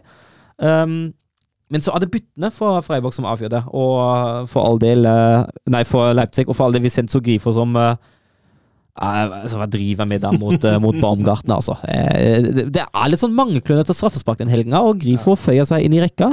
lager straffe, og Penna setter 2-1, og, og da blir det 3-1 ved, ved Baumgartner kort tid seinere. Og til syvende og sist en fortjent seier for, for Leipzig, selv om Freiburg i del periode av kampen var hjemspilte. Og Leverkosen, Karnefla, Union Berlin. Det var klasseforskjell, Mats. Ja, det var, eh, det var et lag på vei opp og fram mot et lag som er på vei ned og hjem, så det var klasseforskjell, og Leverkosen fortsetter jo. Hva Som er inne på Stammer med Girona, det er gøy å se Leverkosen for tida, kanskje spesielt Gribaldo. Han, han treffer på alt, han, for. Det er eh, Er det verdens beste wingback, spør Endre Tengren. Ja, eh, akkurat nå er han det. Eh, altså, altså, er det altså, altså er han så eh, Sier man versatil? Altså at han har mange Ja, toveis. ja, ja det òg, men altså det, han, er jo, han er jo litt sånn overalt i det offensive. Han, går, han kan gå bredt, men han kommer også veldig ofte smalt og skaper overtall sentralt. Eh, så er han veldig god i det defensive, eh, i tillegg til at han, han strør pasninger. Han, eh, han skyter sjøl, han, han slår innlegg. Altså han gjør han gjør veldig veldig mye i alle retninger for Leverkosen, og hvordan Xavier Alonso har brukt ham, det har vært fremragende. Altså. Altså, det er et av fotballens store, store mysteriumer. Hvorfor ingen har plukka opp han tidligere, og hvorfor han ikke har flere landskamper for Spania. Ja, til tross for at undertegnede har jobba knallhardt i flere overgangsvinduer. Ja, du, du, du har jo vilt selge overalt. eh. Nei, men han har jo også hatt en formidabel utvikling under Alonso. da. Eh, Jeg tror han blomstrer veldig i det systemet der, og, og Alonso er jo åpenbart en glimrende spillerutvikler. Eh, Så, så han, har nok, han har nok eh, tjent veldig godt på den overgangen her. Det er ikke sikkert han hadde hatt samme utfoldelse i, i en annen toppklubb hvis han hadde gått dit. Så eh, det var en veldig god match. Samtidig enig med deg. Venstrevektplassen i Spania har jo ofte vært okkupert, da det skal sies, men akkurat nå er den vidåpen. Så at han tar den nå, det, det, det kan godt hende. 31 poeng på 11 kamper. Det er Bundesliga-rekord sammen med Bayern München fra 15-16-sesongen. Det setter prestasjonen i historisk lys. Ja, eh, og det, altså generelt det Leverkusen-laget. og Det, det, det, ene poengtapet de hadde, for de har jo ti seire og ett uavgjort, er jo bort mot Bayern, og da klarte de jo fortsatt å spille uavgjort og ha en vid åpen kamp. og Altså Det er jo egentlig et lag som har vist styrke. Det har jo vært noen jevne kamper i det siste mot eh, både Wolfsburg, Freiburg og Hoffenheim for resultatteknisk. Uh, og nå kom en storseier igjen. og Nei, Det ser ut som, et, som en solklar tittelutfordrer og et absolutt topplag.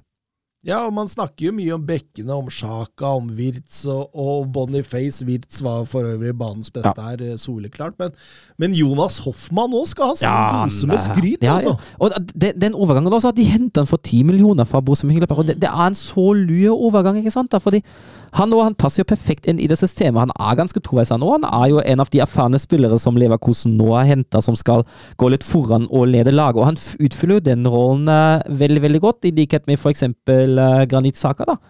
Eh, og så er det jo en spiller som, uh, som har vist i Mönchengladbach i forrige sesong for et veldig veldig middelmådig Mönchengladbach-lag at han har både mange mål og mange assist i seg fra en, uh, fra en kantposisjon. Så at dette er en spiller som uh, hjelper Leverkosen, helt klart. Kim Jansen, eh, Mats, eh, han lurer på om Shabi Alonso er den neste store, store, store manageren vi kommer Mm. til å Han brygger seg sjøl opp til å bli det, i hvert fall. Eh, han har hatt en formidabel utvikling som trener. Tok steg allerede i Sociedad sitt B-lag, og var jo tiltenkt å ta over for, for Algosil med tid og stunder, men Leverkosen satte en stopper for det. og jeg synes han, han begynte jo litt keitete i Leverkosen, han hadde jo ikke alle resultater med seg i starten. Men eh, etter hvert så syns jeg han er Jeg synes han viser at han er både en, en lagbygger, en spillerutvikler, og du ser også at han fint kan eh, justere både formasjon og inngang til kamper. da, eh, Så han er ganske allsidig òg. Så, så det han har vist så langt, det, det lover veldig bra, men vi kan ikke kategorisere han der oppe før han eventuelt gjør det bra med et storlag. da. Det er hele pakka, det, Søren. Ja, Jeg syns det. Jeg syns han har alt. Og så, leser jeg artikkel om ham her, hvor, eh, hvor mye han står på, hvor mye han jobber, og, og hvor, hvor ærgjerrig han er til å, til å alltid jage, jage, jage det best mulige. Og den artikkelen sammenligner han vel med eh, nesten som, som en gamer som sitter og gamer fotballmanager til langt utpå natta. Åh, en Bielsa med egen bunker. ja, ja, nesten. Uh, og han, han, han blir jo spurt om det sjøl og sier at ja, ja, det blir jo kanskje litt for mye, litt for mye nattskifter på meg, da. Men, uh, men det, han, har jo, han har jo da ikke bare fotballforståelsen og, og alt det der som trengs, men også den arbeidsviljen og den motivasjonen og det drivet som trengs for å lykkes i toppen. Det er som eh, Thomas Edvardsen eh, i 90 minutter, det. Det blir mye nattskift eh, og, mye driv og motivasjon for å drive denne podkasten. Du kjenner deg igjen? Ja, det er podkastenes svar på Shabi Alonso. Det, det, jeg lever godt med den. Eh, Vi går videre til Serie A. era il marcatore di Cannavaro. Palla tagliata, messa fuori, c'è Pirlo, Pirlo, Pirlo, ancora Pirlo di tacco, tiro, gol! Gol! Gol! Grosso, grosso, gol! Gol di Grosso, gol di Grosso! Ja, Søren Døpker, vi har snakka mye om eh, Milan de siste ukene, og eh, det blei en småkynisk og oppløftende seier i midtuka mot Paris Saint-Germain i Champions League, men, men utover det, de er inne i en horribel periode i, i Serie A. Eh, Likevel favoritter her. Mot Lecce borte, ja. Ja, men eh, jeg syns jo ikke den kampen har oppløften. Altså Det første som omtrent skjer, er at uh, Rafael Leao må ut med skade etter ti minutter, og det er jo kjipt. Uh, og så syns jeg egentlig Smilan Altså, de starter ved som vi har sett det i det siste, da. At det blir litt sånn Lite rytme og Ja. lite tempo. Ja. Det, det er litt der det blir, og så, og så skårer man to kjappe med Giro og Reinders. Altså, hva driver Pongracic med der på, på 2-0 til Reinders? Altså, han holder jo koronaavstand, Ja. og vel så det. Men, Eh, men det, dette er jo to mål som kommer litt ut av ja, ingenting. det, det syns jeg òg. Det, kommer- altså, det er de første to sjansene de sitter. Og så har jo Reinders riktignok en i stolpen etter det, men, men likevel, da. Uh, det er litt sånn en kort fase på, på tolv minutter da de er litt gode, og, og utnytter den egentlig maksimalt. Uh, og ellers er det veldig mye flatt batteri, akkurat som vi har vært inne på For det fortsetter jo sånn i andre omgang. Ja, men, men, men, men der reagerer jeg på Pioli. Mm. Fordi altså, han prøver å dra ned risikoen. Ja. Han skal alltid være i balanse. Dette er en kamp de har egentlig full kontroll på. Ikke fordi at de er fantastisk gode, men fordi Lecce klarer knapt nok å skape noen ting sjøl. Mm. Og så skal du liksom på en måte gi litt av initiativet til Lecce for å ri dette i land. Ja, og det viser seg jo ikke å gå. Um, egentlig litt, litt fortjent at man blir straffa for det til slutt òg. Det er jo Sansone som møter sin absolutte favorittmotstander i, eh, i Milan. Han liker å skåre mot dem, som eh, både danka inn et mål og har assist fire minutter senere, og så står det plutselig 2-2. Eh, og så er det jo Sansone Altså, det er jo Lecce som til slutt også nærmest fordi Milan klarer ikke å omstille. Etter at man legger seg, så, så blir man bare liggende der sjøl når det står 2-2. Og Sansone har jo, har jo en del sjanser. Uh, og så har vi jo en uh, Den, den han har rett før slutt Ja, der, han er- header ja, ja, ja, i er krystveileggeren, og ballen ja. danser Ja. bortover på streken. ja, Det er så nære at Ja. Milan ryker der. ja, ja, og de, de er jo nære på slutt nå, fordi Giro klarer jo å prate på seg rødt kort. Ja, og så får de et annullert mål, og, og, Ja. og André Schjelderup lurer. Dramatisk avslutning på Lecce Milan. Eh, Reddet var Milan fra tapet der. Pioli skal evalueres inn i landslagspausen, og kommer han til ryke? Og først Er den clear and obvious, Nei. den Nei, den er Nei, absolutt ikke. Eh, Jeg syns den var Altså, da er jeg på hvis han, hvis han blåser han umiddelbart, greit. Eh, men hvis han lar være å blåse, greit. For jeg ser heller ikke at Tja får ballen i den situasjonen heller. Nei, Det, det er ikke sånn at de blir hindra fra å ta ballen, da. Uh, og så kan man si ja, ja, det var kanskje litt røft og bla, bla, men det er derfor jeg tenker at det, det er en sånn 50-50-situasjon. jeg ser ikke noen grunn til at hva skal inn der og gjøre om. Nei, altså, eh, Piccoli, han, han tråkker den så vidt på Mm. foten der, men, men det er jo en duell hvor ballen er i lufta, og han skal prøve å kontrollere den, og så kommer Tiao opp inn, og Ja. så eh, Jeg, jeg syns ikke den er nok til å Nei, så, Nei, altså, Jeg er så, enig med Søren. Ja. Hvis dommeren tar den der, så er det greit. mm, Men at VAR skal inn og rette på den, det mener jeg er feil. Ja, helt klart. Og da, da, da kan du jo si at Lecce ble frarøva to poeng. ja, jeg syns det. Og hadde jo etter en annen omgang for all del også fortjent å vinne. Men han spør om Pioli òg, som skal evalueres i landslagspausa. Tror vi han ryker, eller? Ja, hvis ikke de har hyret inn uh, styret fra Wolfsburg, så Nei, det, det, det er vanskelig, vanskelig, å, vanskelig å si. Um, han kan jo fort det. Uh, og så er det jo alltid med sånn, når, når det kommer sånn evaluering, når, når, pressen begynner, jo, begynner å snakke om det, så, så, har de jo en trener som lever litt på lånt tid, uh, som har veldig mye press på seg. og jeg husker veldig få situasjoner der man har hatt sånne evalueringsmøter og krisemøter der trenerne har holdt seg særlig lenge i etterkant. altså. Pioli har vel jeg for så vidt sagt min mening om lenge. Milan vant skudettoen på tross av Pioli, og ikke av Pioli. Jeg mener Milan hadde vært på et mye bedre sted i dag hvis de hadde hatt en bedre trener. og, og en manager som kan sette et spill i etablert off, eh, Mats. Eh, er du ikke enig? Jo da, og i hvert fall nå siste så har vi jo sett et resultat av akkurat det, da, hvor de, hvor de sliter egentlig overalt. Og i den, i den matchen her også har de egentlig kampen i lomma, men roter det bort helt på egen hånd og er egentlig heldige som, som får med seg et poeng. Og, og det er også å oppsummere litt det der røde kortet til Giroud på slutten her, og det er jo fullstendig hodebist, vet du. ja. Du står en meter unna dommeren og kjefter på han. Du får det gule kortet, og du bare fortsetter. Mm, mm. Så er det ingen av lagkompisene som går og drar den vekk heller. Så. Ja, men eh, altså, Hvor gammel er han nå? 36? altså, altså Av en, 30, en så erfaren spiller som har vært gjennom så mye, altså kan jo faktisk forvente at han klarer å, å roe seg inn i sjøl. Altså. Ja, Vi snakka litt om det med Tottenham-Chelsea her, at uh, det er litt opp til spillere også. Mm. Giro han er, han er eldst av de eldste.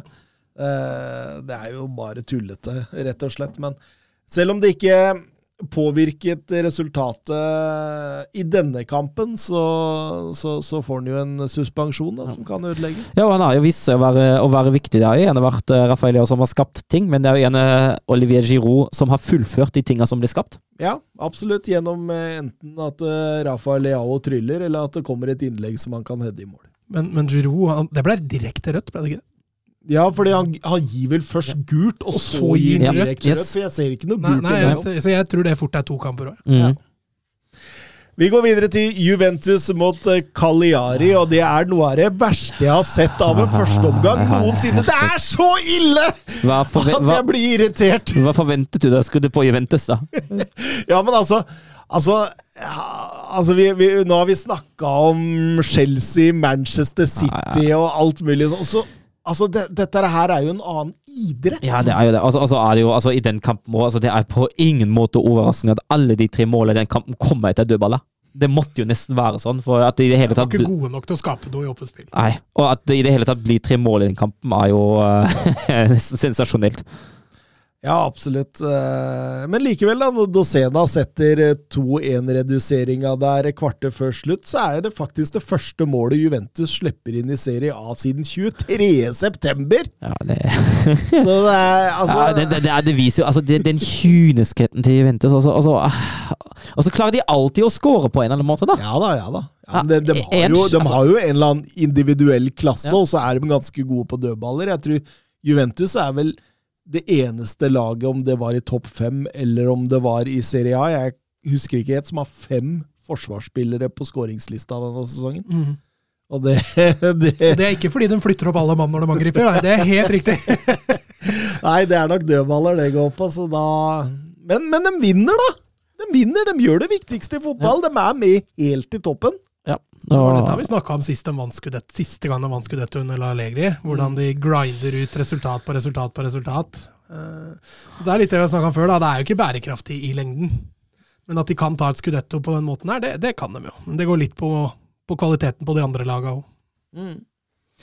Napoli, Empoli Eh, Oshimen skada, Kvarasjkela, Zelenskyj på benken med rett skada eh, på oppvarminga. Man kan jo si at eh, Napoli møtte opp med et redusert lag der, riktignok med Leo Østegård inne i en duo med Ramani bakerst der. Og, Han Madisen, da, da. Ja, ja, absolutt. Og jeg syns jo Napoli tar bra kontroll over kampen fra start av. Mm.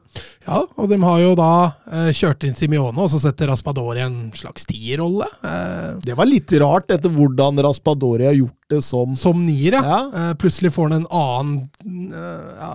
Nei, og det, det, føler jeg hindrer han litt, da. De gjetter jo det rett etter pause, så, så gjør de jo om på det. Eh, Men det er jo et Napoli-lag som vil litt, men de får det jo ikke til. Eh, det, det lugger veldig offensivt. Eh, altså Politano, eh, Simione var jo nesten usynlig, fikk jo nesten ikke noe å jobbe med. Så det, alt i alt, ja, de ville kanskje lite grann, men det blei jo veldig kjedelig første omgang. altså. Ja, og jeg, jeg satt og tenkte jeg sånn Hvor lenge kan Rudi Garcia holde Kvarasjkela og Zelenskyj på benken her? Men det jeg tenkte på det underveis der, jeg sa det til Søren i stad òg, at uh, her var det i hvert fall et lag som prøvde å skåre mål. Ja. For en trener som er veldig utsatt. På Wolfsburg-matchen så, så var det jo ingen, det var jo ingenting. Nei, det, Så her er det jo i hvert fall tydelig at han ikke, kanskje ikke har tapt garderoben helt, da. Eh, og så kommer jo, som sier da, Kvarasjkela kommer jo tidlig inn der, og han setter jo umiddelbart litt mer fart offensivt. Men det, det sies jo at uh, Di Laurentis, denne omstridte eieren, var inne i pausa, satte uh, Rudi Garcia helt til side og holdt pausepraten selv. Ja, det, det er jo altså, det, er, det, Rart ikke. ja, det er i så fall en demonter. og det er- Han har jo fått sparken nå, Rudi Garcia, så det kan jo fort stemme. Ja, absolutt. Uh, han skal ha vært rasende på det som blei levert, og uh, skal ha nekta å prate med Rudi Garcia under uh, Ja, men Da, da, da veit du som trener hvor veien går videre, altså. Så vi, vi- hvis man Jeg satt og tenkte på Jeg har litt lyst til å se den annenomgangen, i hvert fall bruddstykker igjen, om igjen, for å se liksom Når du veit bakteppet, da. Se Rudi Garcia åssen da, Fordi han kan jo ikke ha vært veldig høy i hatten der han sto. Nei, men han var aktiv. Jeg husker han løp litt opp og ned på sida der. Så han prøvde jo. Ja, I så fall, ja. Altså, hvis, hvis det stemmer, da er det ekstremt profesjonelt av ham, da. For jeg, altså, hvis jeg hadde vært i en situasjon altså, Du, du veit jo at du får fyken i etterkant av en sånn episode, altså. Uh, der, der- der må jeg alle innrømme at hvis klubbens øverste sjef hadde såpass grepet inn i det som hadde vært mitt ansvarsområde, da, da kan vi jo lure, lure på hvor mye man eh, egentlig orka. Og hvis han ikke visste han fikk sparken på 0-0, så tror jeg han visste det Ja. når Viktor Kovalenko setter 0-1 der på Ja, det er nesten overtid. Ja. Vakkert vis. Vakkert vis. Men altså, matchvinneren til Empoli, den sto jo i mellomstengene. De, de redningene, den ene redningen uh, Berisha har mot, uh, mot Kvaratskhelia da, den, den der beinparaden Han, drev, han dreiv en litt til vanvidd, faktisk. ja, ja, du så det. Kvaratskhelia blir skikkelig fortvila, men den, den redningen den er så enorm. Ja, helt, eh, helt enig. eh, Empoli er jo vant til å ha gode keepere, de. Eh, Daniel Ødegaard, dere fikk 100% treff omgående Rudi Garcia. Det skal dere ha. Hvem bør Napoli ansette nå? Altså, altså Med Di Laurentis da, så kan det være Arne Erlandsen. Men de har, de har, de har funnet sin etterfølger nå. Oi, oi, oi! Mm. Og nå er jeg faktisk spent! Mm, det, Altså, ok, ok, før du sier det. ja. Jeg, svaret mitt til Daniel Ødegaard da, var jo følgende. Eh, Jeg, jeg tenker man burde henta en, eh, en italiano eller en eh, type sånn type trener som på en måte kan dra laget videre i den type spillestil som de har i dag. Men at jeg frykter at Di Laurentis kunne finne en eller annen løsning som vi ikke er i nærheten av å forstå. Ja, for- Er det Peter Bosch, eller? Nei, det er Walter Mazzari. Nei Jo. Jo, stakkars, stakkars Napoli. Ja, jeg syns, altså, nå, nå syns jeg skikkelig synd på dem. Eh, de, vi, vi, har, vi har sittet og snakka om ansettelsene i Wolfsburg, men de ansettelsene som, eh, som har kommet nå etter at de vant skudettoen på trenerbenk, det har vært helt sinnssykt elendig.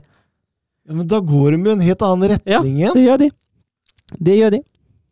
De skal selge Karaskela og Chimen til sommeren, ikke sant? Skal de bygge nytt? Ja, Chimen har jo allerede snakka om at han prøvde å komme seg litt ut i sommer. Så det er jo klart det at det nå, nå Dette korthuset her er i ferd med å, Ja. å bære og briste og falle. Altså. Ja, altså, altså det, det ene er jo at det går i en helt annen retning. Uh, det andre er jo at dette har jo altså, Han har vel et, et uh, cupgull med Napoli, men dette er jo ikke en trener som har vist noe som helst på det nivået Napoli ser seg sjøl på. Altså. Det er jo Altså det er jo ikke en ansettelse som er en uh, topp fire-klubb i Italia i 2023 verdig. Hva med Antonio Conta? Han sa han meldte seg jo motivert og klar her, og kunne gjerne lede et lag som nettopp hadde vunnet noe. Og aller helst i Serie A. Ja. Altså, det lyser jo Napoli an.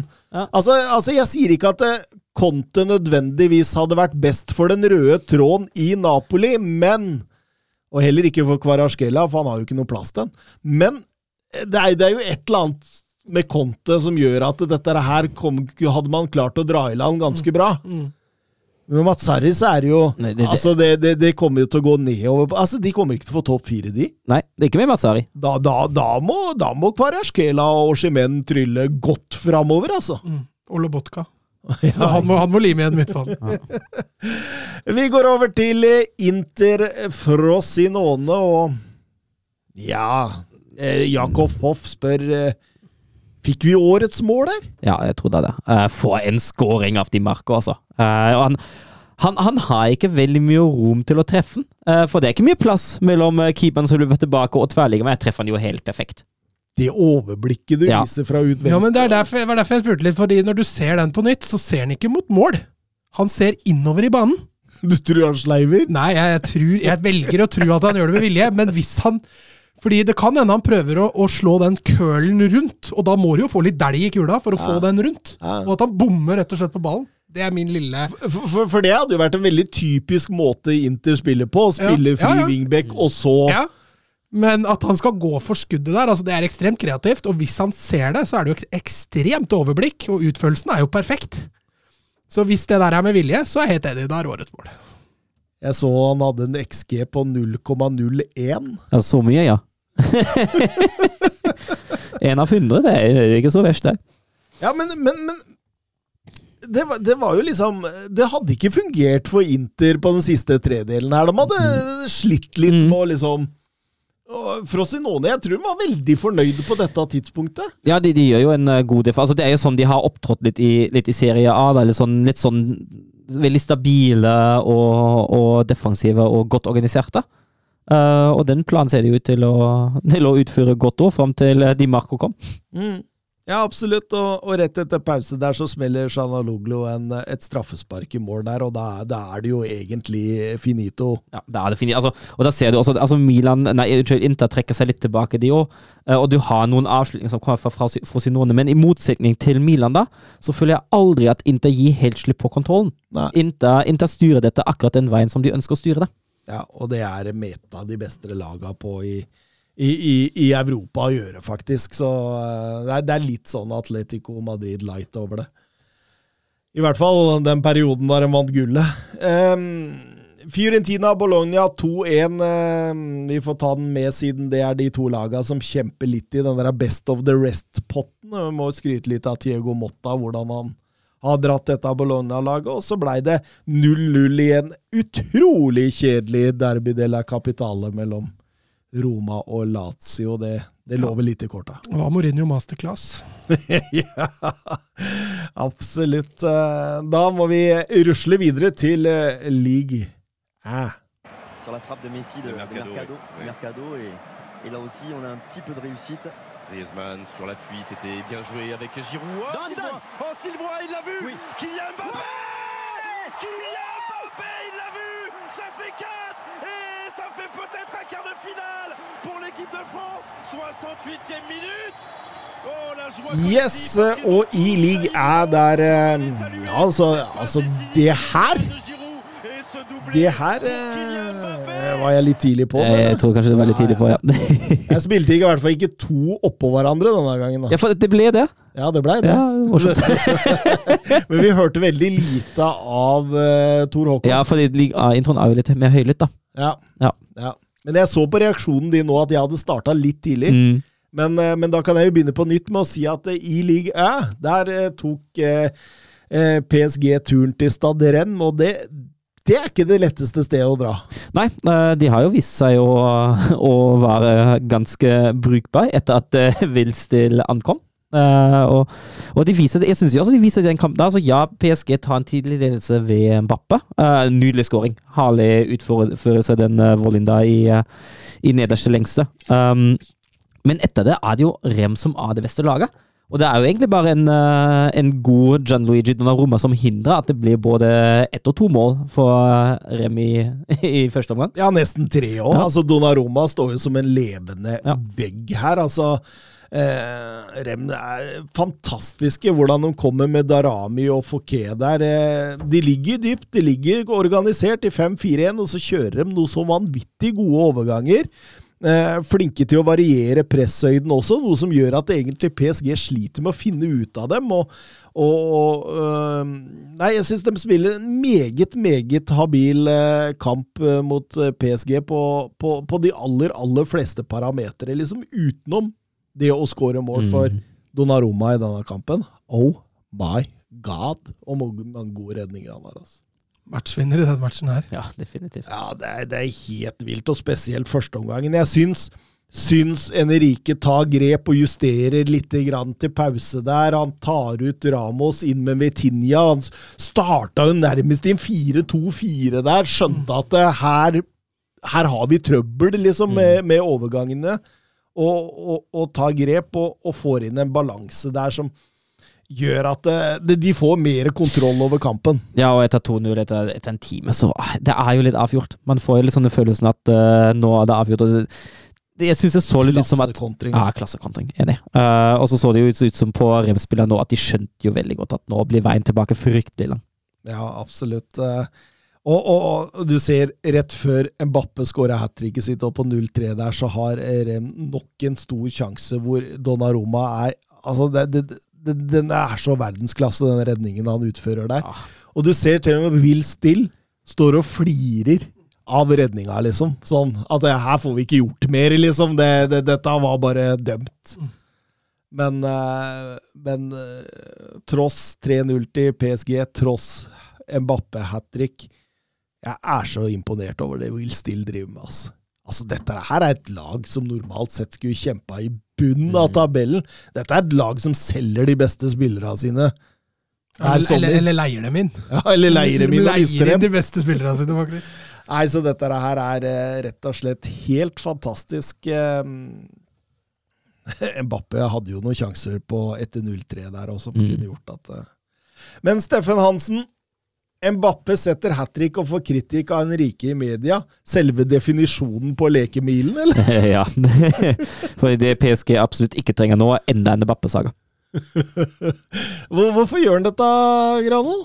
Nei, Jeg tror det bare er litt mentalt. Jeg, jeg, tror ikke det er noe, jeg tror ikke det utløser noe som helst fra Mbappe sin side. Eh, selvfølgelig, jeg skjønner at det kan se litt ille ut uh, utenfra, men eh, jeg tror Mbappe og Henrique har en grei virker som de har en grei tone, i hvert fall. Eh, og at eh, kanskje han til og med er forberedt på det. Eh, så er det vel kanskje da for å få en reaksjon. Altså Ja. Sånn rent spillmessig. Og så, og så ser du i den kampen eh, at eh, PSG er litt sånn ti spillere og Mbappe. Fordi eh, når man forsvarer seg, når man Så, så han, han kan melde seg ut litt. Så jeg, jeg tror det også er et forsøk på å få han litt mer inn i i, eh, altså At man ikke nødvendigvis bare skal spille den igjennom og at han skal skåre mål, men at han også skal gjøre litt mer utover det for laget. da. Bidra, ja. Ja, ja. En reaksjon. Eh, men usikker på hvor fornøyde QSI var med, at- med, med, med det der. der altså, det, det, jeg tror det var noen Men hvis jeg leste det riktig, så sto han jo ikke- han sto ikke og skjelte den ut. Nei da, Det var mer nei sånn da. 'jeg skal ta en prat med han', og det er ikke bra nok, liksom. Men å si det til media før Ja. du sier det til han, da, det er litt sånn altså, du, vi, vei, vi kjenner jo Mbappe, vi veit jo Mm. hvordan type han er. Han, eh, han er ganske høy på seg sjøl og er ikke veldig glad i konstruktiv kritikk, tror jeg. Det tror jeg du har helt rett i. Eh, vi kan også ta med at eh, NIS spilte seg ned fra tabelltopp etter 0-0 borte mot eh, Montepillier. Ei usedvanlig kjedelig fotballkamp fredag kveld. Eh, tenkte jeg skulle få med meg litt NIS der, men jeg Det var, det var, ikke, det var ikke så nice. Nei, jeg rykka raskt over til Wolfsburg, faktisk. Nei, det var enda mindre nice. Det. ja, men der, der kunne jeg i hvert fall sitte og ha en mening om ditt lag, Søren. Eh, Le Havre Monaco 0-0. Også en grusom fotballkamp. Eh, Riktignok kunne det blitt eh, avgjort eh, godt på overtid, men eh, Samuel Granzir bommer på straffesparket, og, og Le Havre må nøye seg med ett og ikke tre poeng. Så vinner Lyon sin første kamp for sesongen med 0-1 borte mot Rennes. Det måtte et annet lag i litt sånn trøbbel Mm. til for at Lyon skulle, skulle ta det. Jake O'Brien, eh, matchvinner, et godt stykke ut i annen omgang. Eh, og så vinner Lance 1-0 mot Marseille, og Gattuso står dermed med 1-1-3 på sine første fem i ligaen. Ja, det er ikke godt nok etter det Marseille ønsker seg. Det er, det, er, det er- litt morsomt, da. Så Sist sesong så snakka vi om at de må få kontroll på velodrom. Nå har de tapt sine fire siste bortekamper. Altså det, det, det stikk motsatte av det vi, de hadde som trøbbel forrige sesong. Så hvor er logikken her, det kan du lure på. Men Paris Saint-Germain, serieledere, eh, ett poeng foran NIS og tre poeng foran Monaco. Så er det jo gøy da at eh, lag som Lance og, og Rem og, og Lill ligger på plassene bak. eh, Det gjør jo litt morsomt. Og så må, så må vi ta med også at Lyon fortsatt er bottom. Skal vi ta litt eh, Tor Håkon uten italiensk intromusikk ved siden av? Bra jobba, gutta! Bra ball! Nei! Ah, grei offside. Tor Håkon, den er grei. Tor Håkon! Nei, Tor Håkon, det var din egen skyld. Ikke bli sint for det, i hvert fall. da. Tor Håkon, ikke kjeft på dommeren, og ikke kjeft på dommeren. Tor Håkon, nå hører du på dommeren. Det er hver gang, altså. Hver gang. han er det der.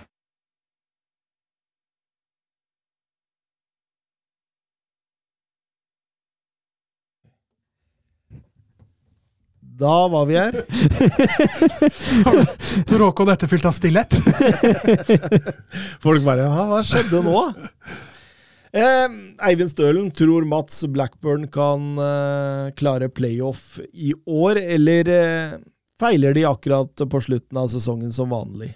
Nei, jeg tror ikke de greier playoff i år. Jeg syns de har vært altfor varierende til det. De har, de har et bra toppnivå som, som antageligvis hadde vært godt nok til å havne i en playoff, men de viser altfor ofte bunnivå. Tapte jo bl.a. mot Preston nå i helga på overtid, så det har dessverre ikke vært, uh, vært bra nok sånn sett. Pluss at jeg syns jo Leicester ser jo strålende ut. Ipswich har jo overraska stort i championship i år og ser ser veldig bra ut. Leeds også har begynt å komme seg litt, så uh, altså, toppnivået i championship er jo nesten Premier League-nivå. og Der er ikke Blackburn helt, så de har ikke noe å gjøre i en playoff, og kan jo håpe at de klarer i hvert fall tett oppunder.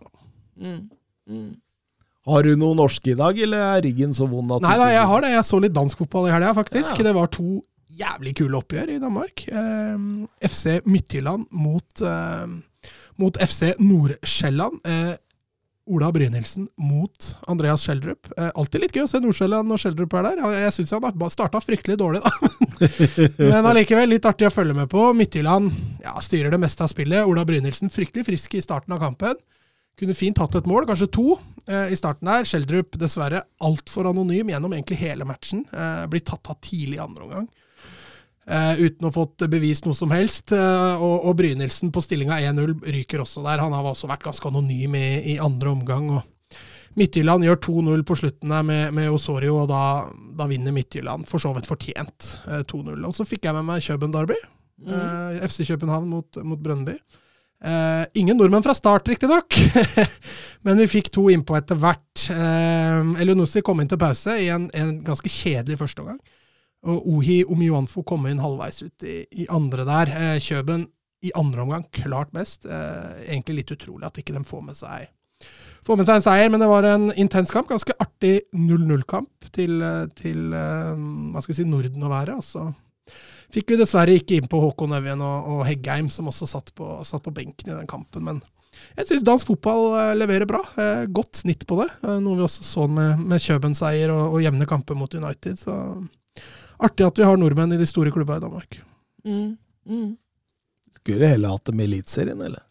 Ja, men jeg må jo si at i hvert fall toppen Nå ser jeg stort sett topplaga i Danmark, da, men nivået der er hakket opp fra Norge. altså. Mm. du kan godt si at Bodø-Glimt kanskje hadde vært der, men i Danmark har du fire-fem lag som er der, mens i Norge har vi ett. ikke sant? Ja. ja. Dupkern, eh, åssen går det med Ajax? Bortekamp eh, i Almere. Uh, tabellen er hvor? um, fryktelig, fryktelig første omgang. Uh, skaper veldig lite. Almere er veldig fysiske.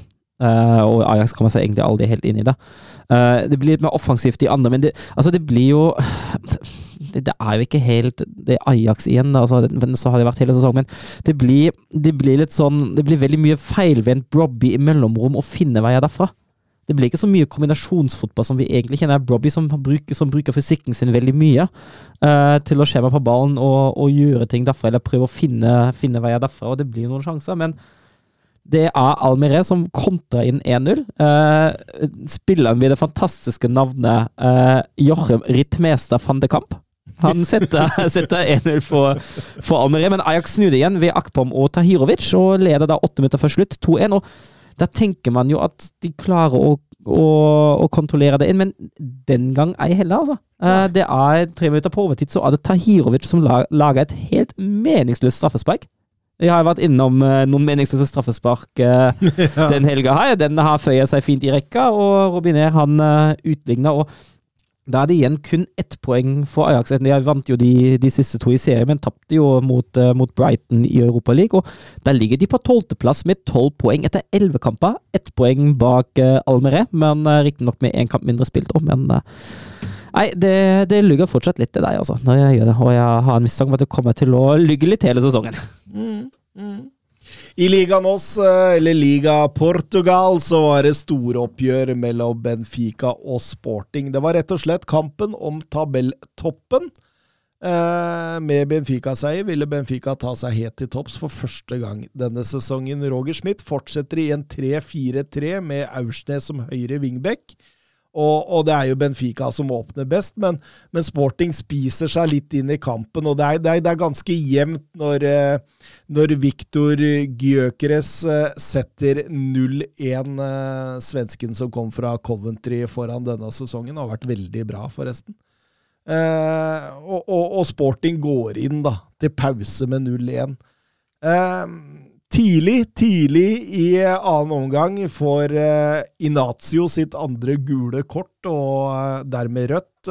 Det blir 11 mot 10 resten av kampen, og det, da dukker opp et sånn naturlig dominanse fra, fra Benfica. Men, men, de får ikke mål. Klokka passerer 90, ingenting skjer. Og så, fire minutter på overtid, Joao Neves eh, ja, de, de, de, har egentlig sendt fram rubb og stubb der, til og med Trobin har kommet opp. Morato stusser den bakover. Neves får kontroll med en sånn herlig teknikk og banker den i goal fra ti meter. Så, da eksploderer det fullstendig før de skjønner at hei, vi har jo bare ett poeng her! Så, så, så de løper i en sånn eufori tilbake igjen. Setter i gang et angrep igjen, og det tar ikke lange tida før Kasper Tengstedt er i enden av et uh, Fredrik Aursnes-innlegg, og Benfica vinner 2-1, altså snudde etter 90, det vi snakka om i, i, Premier League. Mm. Um, ja, det er sterkt. Ja, det er sterkt, og, og da, da, det er også tabelltopp for, eh, for Benfica. Um, Viktig seier for Roger Schmidt. Ja, det, det, var det. Han er litt pressa. Mm. Han, er, han, er, det. Tyske medier har skrevet litt om det. Mm. Så, men, men det, for, for eh, for eh, VAR-motstandere, da, så er det den 1-2-golden til Kasper Tengstedt Den blir annullert direkte av dommer pga. offside. Der går VAR inn, tar en rask beslutning og gir mål. Sånn at det blir en Så det, der er åssen det kan fungere! Og så her ser vi det altfor sjelden. eh, Porto vinner 1-2 borte mot Vitoria, og Braga vinner 1-0 borte mot Aroja. Så eh, har vi de topplaga i, eh, i klartekst. Eh, August Landstad spør om Thomas kan ta en ny fem neste eksporter fra Liga Nos. Du kan ikke ta med tidligere nevnte spillere som fortsatt er der. og jeg har jo en sånn liste, da. Som eh, jeg får på oppfordring fra lyttere i tide og tutide. Jeg har dratt inn mange navn der. Joao Paulinia har jo vært der. Samuelino, Enzo Fernandes, Nuno Mendes. Jeg, jeg har jo treffet mye. Mm. Eh, men jeg har også anbefalt spillere som fortsatt er der, som Antonio Silva og, og Gonzalo Inacio, Diogo Costa, eh, blant annet. Så så eh, hvis man skal utelukke alle disse da, og finne nye, så er jo Joao Neves den, den klare nummer én her. Eh, 19-åringen på Benfica som har en kreativitet, en teknikk og en eleganse som eh, vil passe inn i eh, Barcelona Prime, rett og slett. Eh, Så, så han er en klar nummer én. Osman Diomande, den 19-årige sporting-stopperen, var jeg veldig imponert av nå i helga. Tatt overgangen fra Midtjylland ekstremt bra. Eh, tenker en sånn stor fysisk pakka 19-årig stopper eh, nok en gang kommer fra fra dansk fotball. eh, vil vil eh, sannsynligvis eh, kunne gjøre det bra i en større liga. Og så, er det litt åpent, da. Altså, eh, Marcus Edwards, man kan ta med han. eh, Man kan ta med ny- ny- nyankommeren eh, Ørkun Gøku, som har vært veldig, veldig bra. Eh, Florentino Louis er jeg litt usikker på om jeg har hatt med. Men han har også vært litt ut og inn, har han ikke det? Ja, ja, men da, nå er han mer inn enn ut akkurat nå. Ja, men Har ikke han vært i Monaco? Eh, nei, han har jo vært Ja, i Benfica hele livet, sitt. Ja, blander jeg med en annen.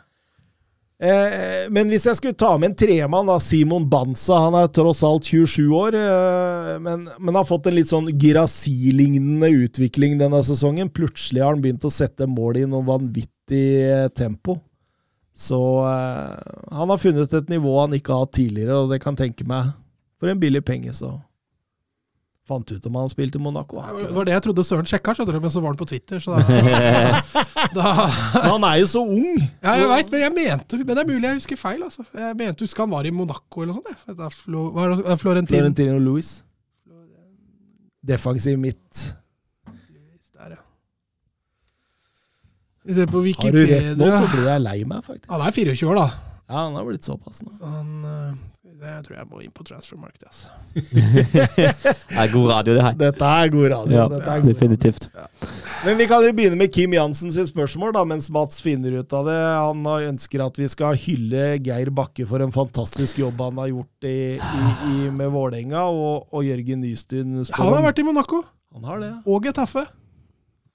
Ja, stemmer det! Han var i Getafe, men jeg husker ikke Monaco. Han var bare på utlån, da, så han har jo vært uh, Benfica-eie hele veien. Ja, ja, ja det er utlånet. Rykker Vålerenga ned? Jeg håper det. Eh, Vi kan ha to Derby Days eh, nei, neste men, år, nei, nei, nei, men altså, og jeg har jo alltid vært sånn, uh, sånn før at jeg har sagt at uh, jeg ønsker ikke at Vålerenga rykker ned. Jeg ønsker dem egentlig ikke noe særlig godt heller, men jeg ønsker at de holder seg pga. de derbyene. For jeg mener at både Lillestrøm som klubb, Lillestrøm som by, og norsk fotball generelt har veldig godt av de der, mener jeg. Men etter den trenerovergangen som har vært, eh, har jeg endret litt mening da og ønsker dem uh, ned. Ikke Eh, dem, ønsker egentlig Geir Bakke. ja, det, det, er, det er helt riktig. Altså, det det, er han, helt det er han vi ønsker Ja, ned. ja, ja det, det har du helt Hvordan får vi sendt han ned Det er det, uten at altså, Vålerenga altså går Hvis han Ja. kan bli med Hvis han kan bli med Åle, ta med Ålesund, da, så kan han rykke ned med dem. Ja. Og så kan Vålerenga få kvalik, og så overleve på bortemålsregel eller et eller annet. Den finnes ikke lenger i Nei, nei, men, men vi ja. finner en vei. men, men, altså, men nå, nå er jeg veldig på at nå vil jeg ha dem ned. Eh, og den, det var jo viktig at ikke de tok, eh, tok seg mot Stabæk nå. Eh, ekstremt viktig kamp der. At Stabæk fortsatt er, ligger et poeng foran dem er ekstremt bra. Nå har de to tøffe kamper, borte mot HamKam. Eh, ingenting å spille for lenge, men bør være ganske motivert. eh, Forholdet mellom eh, Hamar og, og Vålerenga har ikke vært det beste i det siste. Eh, Og siste mot et medaljejagende Tromsø på hjemmebane, der de har vært helt helt Var det ikke to seire på hjemmebane? Jeg tror det er, er det to? Har det blitt to nå? Jeg tror de har bare slått Har de, har de mer enn eh, enn den mot Ålesund? Jeg tror de hadde én, eller noe sånt. Det er sjukt hvis det var bare Det kan, det kan, det kan hende at det er to, altså, men uh, Ålesund husker jeg i hvert fall. Kan hende jeg har glemt den andre, men det er ganske tøft. Stabæk har jo Sandefjord hjemme i en nedrykksfinal, eh, og Haugesund borte i siste, hvis jeg ikke husker feil. Men Sandefjord, som ligger tre poeng foran Vålerenga, har jo eh, Stabæk der borte, og Lillestrøm hjemme. En Jeg ser scenario allerede! Altså, da, da kommer jeg til å Hvis det handler om at Sandefjord må vinne til å sende Vålerenga ned, kommer jeg til å stå på bortefeltet. De slo HamKam hjemme. Ja, jo, det, det, ja. det er to. Uh, HamKam kasta bluss på ja, det var den, ja. ja 16. mai-kampen. Uh, men der kommer, altså, kom jeg til å Du står med Anders Hansen i, i Sandefjord! Nei, jeg kommer til å stå på bortefeltet for all del, men jeg, jeg kommer jo til å Jeg vet ikke hva jeg reagerer, men jeg kommer til å, til å glede meg når Sandefjord scorer. Hvis Vålerenga rykker ned pga. det. Vi snakka i stad om å håpe at laget sitt taper en kamp fordi du vil fyre treneren. Ja, her er det jo å håpe laget sitt taper, så og jeg hadde, altså, men jeg skal jo sies at hadde LSK spilt om medalje, og valget hadde stått mellom LSK tar, medalje og Vålerenga holder seg, eller LSK tar ikke medalje og Vålerenga rykker ned, så hadde jeg jo tatt at LSK skal holde seg og Vålerenga holder seg. Altså, Du, du, du er jo en person da, som sier i det daglige livet at uh, jeg må gå ut med Ja. ja, Ja. jeg gjør det. Jeg, gjør Så, det. det, så, han, så han er jo altså, jeg, liker, jeg liker dem ikke. han, han kaller jo liksom altså, Valle og det området der altså, Han viser fingeren når han kjører forbi, liksom. Ja. Så det, det, er, det er jo et hat. Nei, jeg har hatt ingen visste ikke. Ja, det har, det har lytterne våre funnet ut at du faktisk gjør, skjønner du. Ja, ja, gjør jeg det, ja? Ja, du hater Rodiger. Nei, det sa nei, nei, du i forrige episode. Sa, sa, sa jeg det? Ja, du sa det! Ja, såpass, ja. Akkurat Mats snakka om hat til Ja. Romero, så sa du ja, akkurat sånn har jeg det med Rodiger. ja såpass, Og det ble påpekt på Twitter.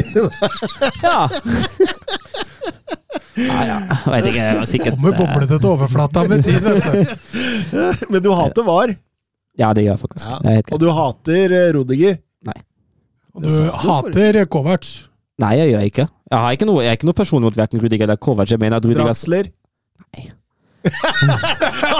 Han dro litt på den. Ja, Nei, nei, nei, jeg gjør ikke det. Det er ikke ha, Hat er et sterkt ord. Hat er Geir. Bakka. Nei, ha, hat er feil ord, det òg. Da, da, da snakker vi om at han er for meg den, eh, den minst populære fotballtreeren.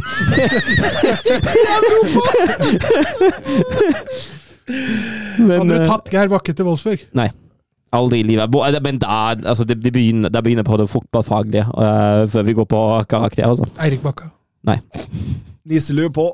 Hvor imponerende er det at HamKam har sikra seg plassen to runder før slutt? Alle eksperter tippa dem nord og ned. Og please, kan vi få Skjærevik tilbake?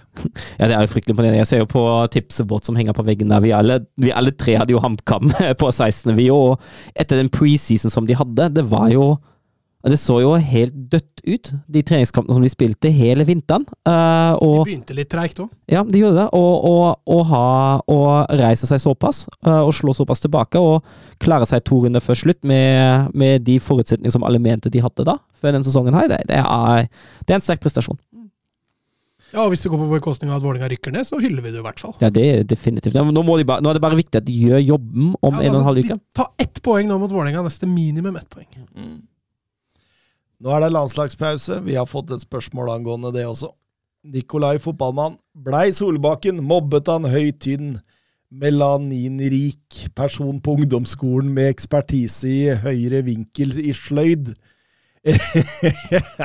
bra, bra skriver.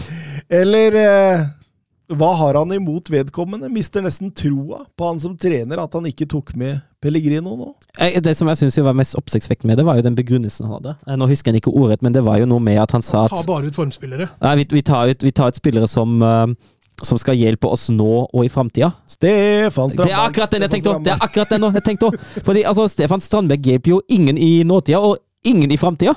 Altså, og jeg skjønner ikke hvorfor den argumentasjonen plutselig blir så viktig med Pellegrino og, og ikke med Strandberg. Og med tanke på de prestasjonene Pellegrino har hatt, hvis man ser på det sportslige, eh, så hadde han jo definitivt fortjent et uttak på landslaget. Men, men, men i neste kvalik, når den starter opp, så er han rundt 35.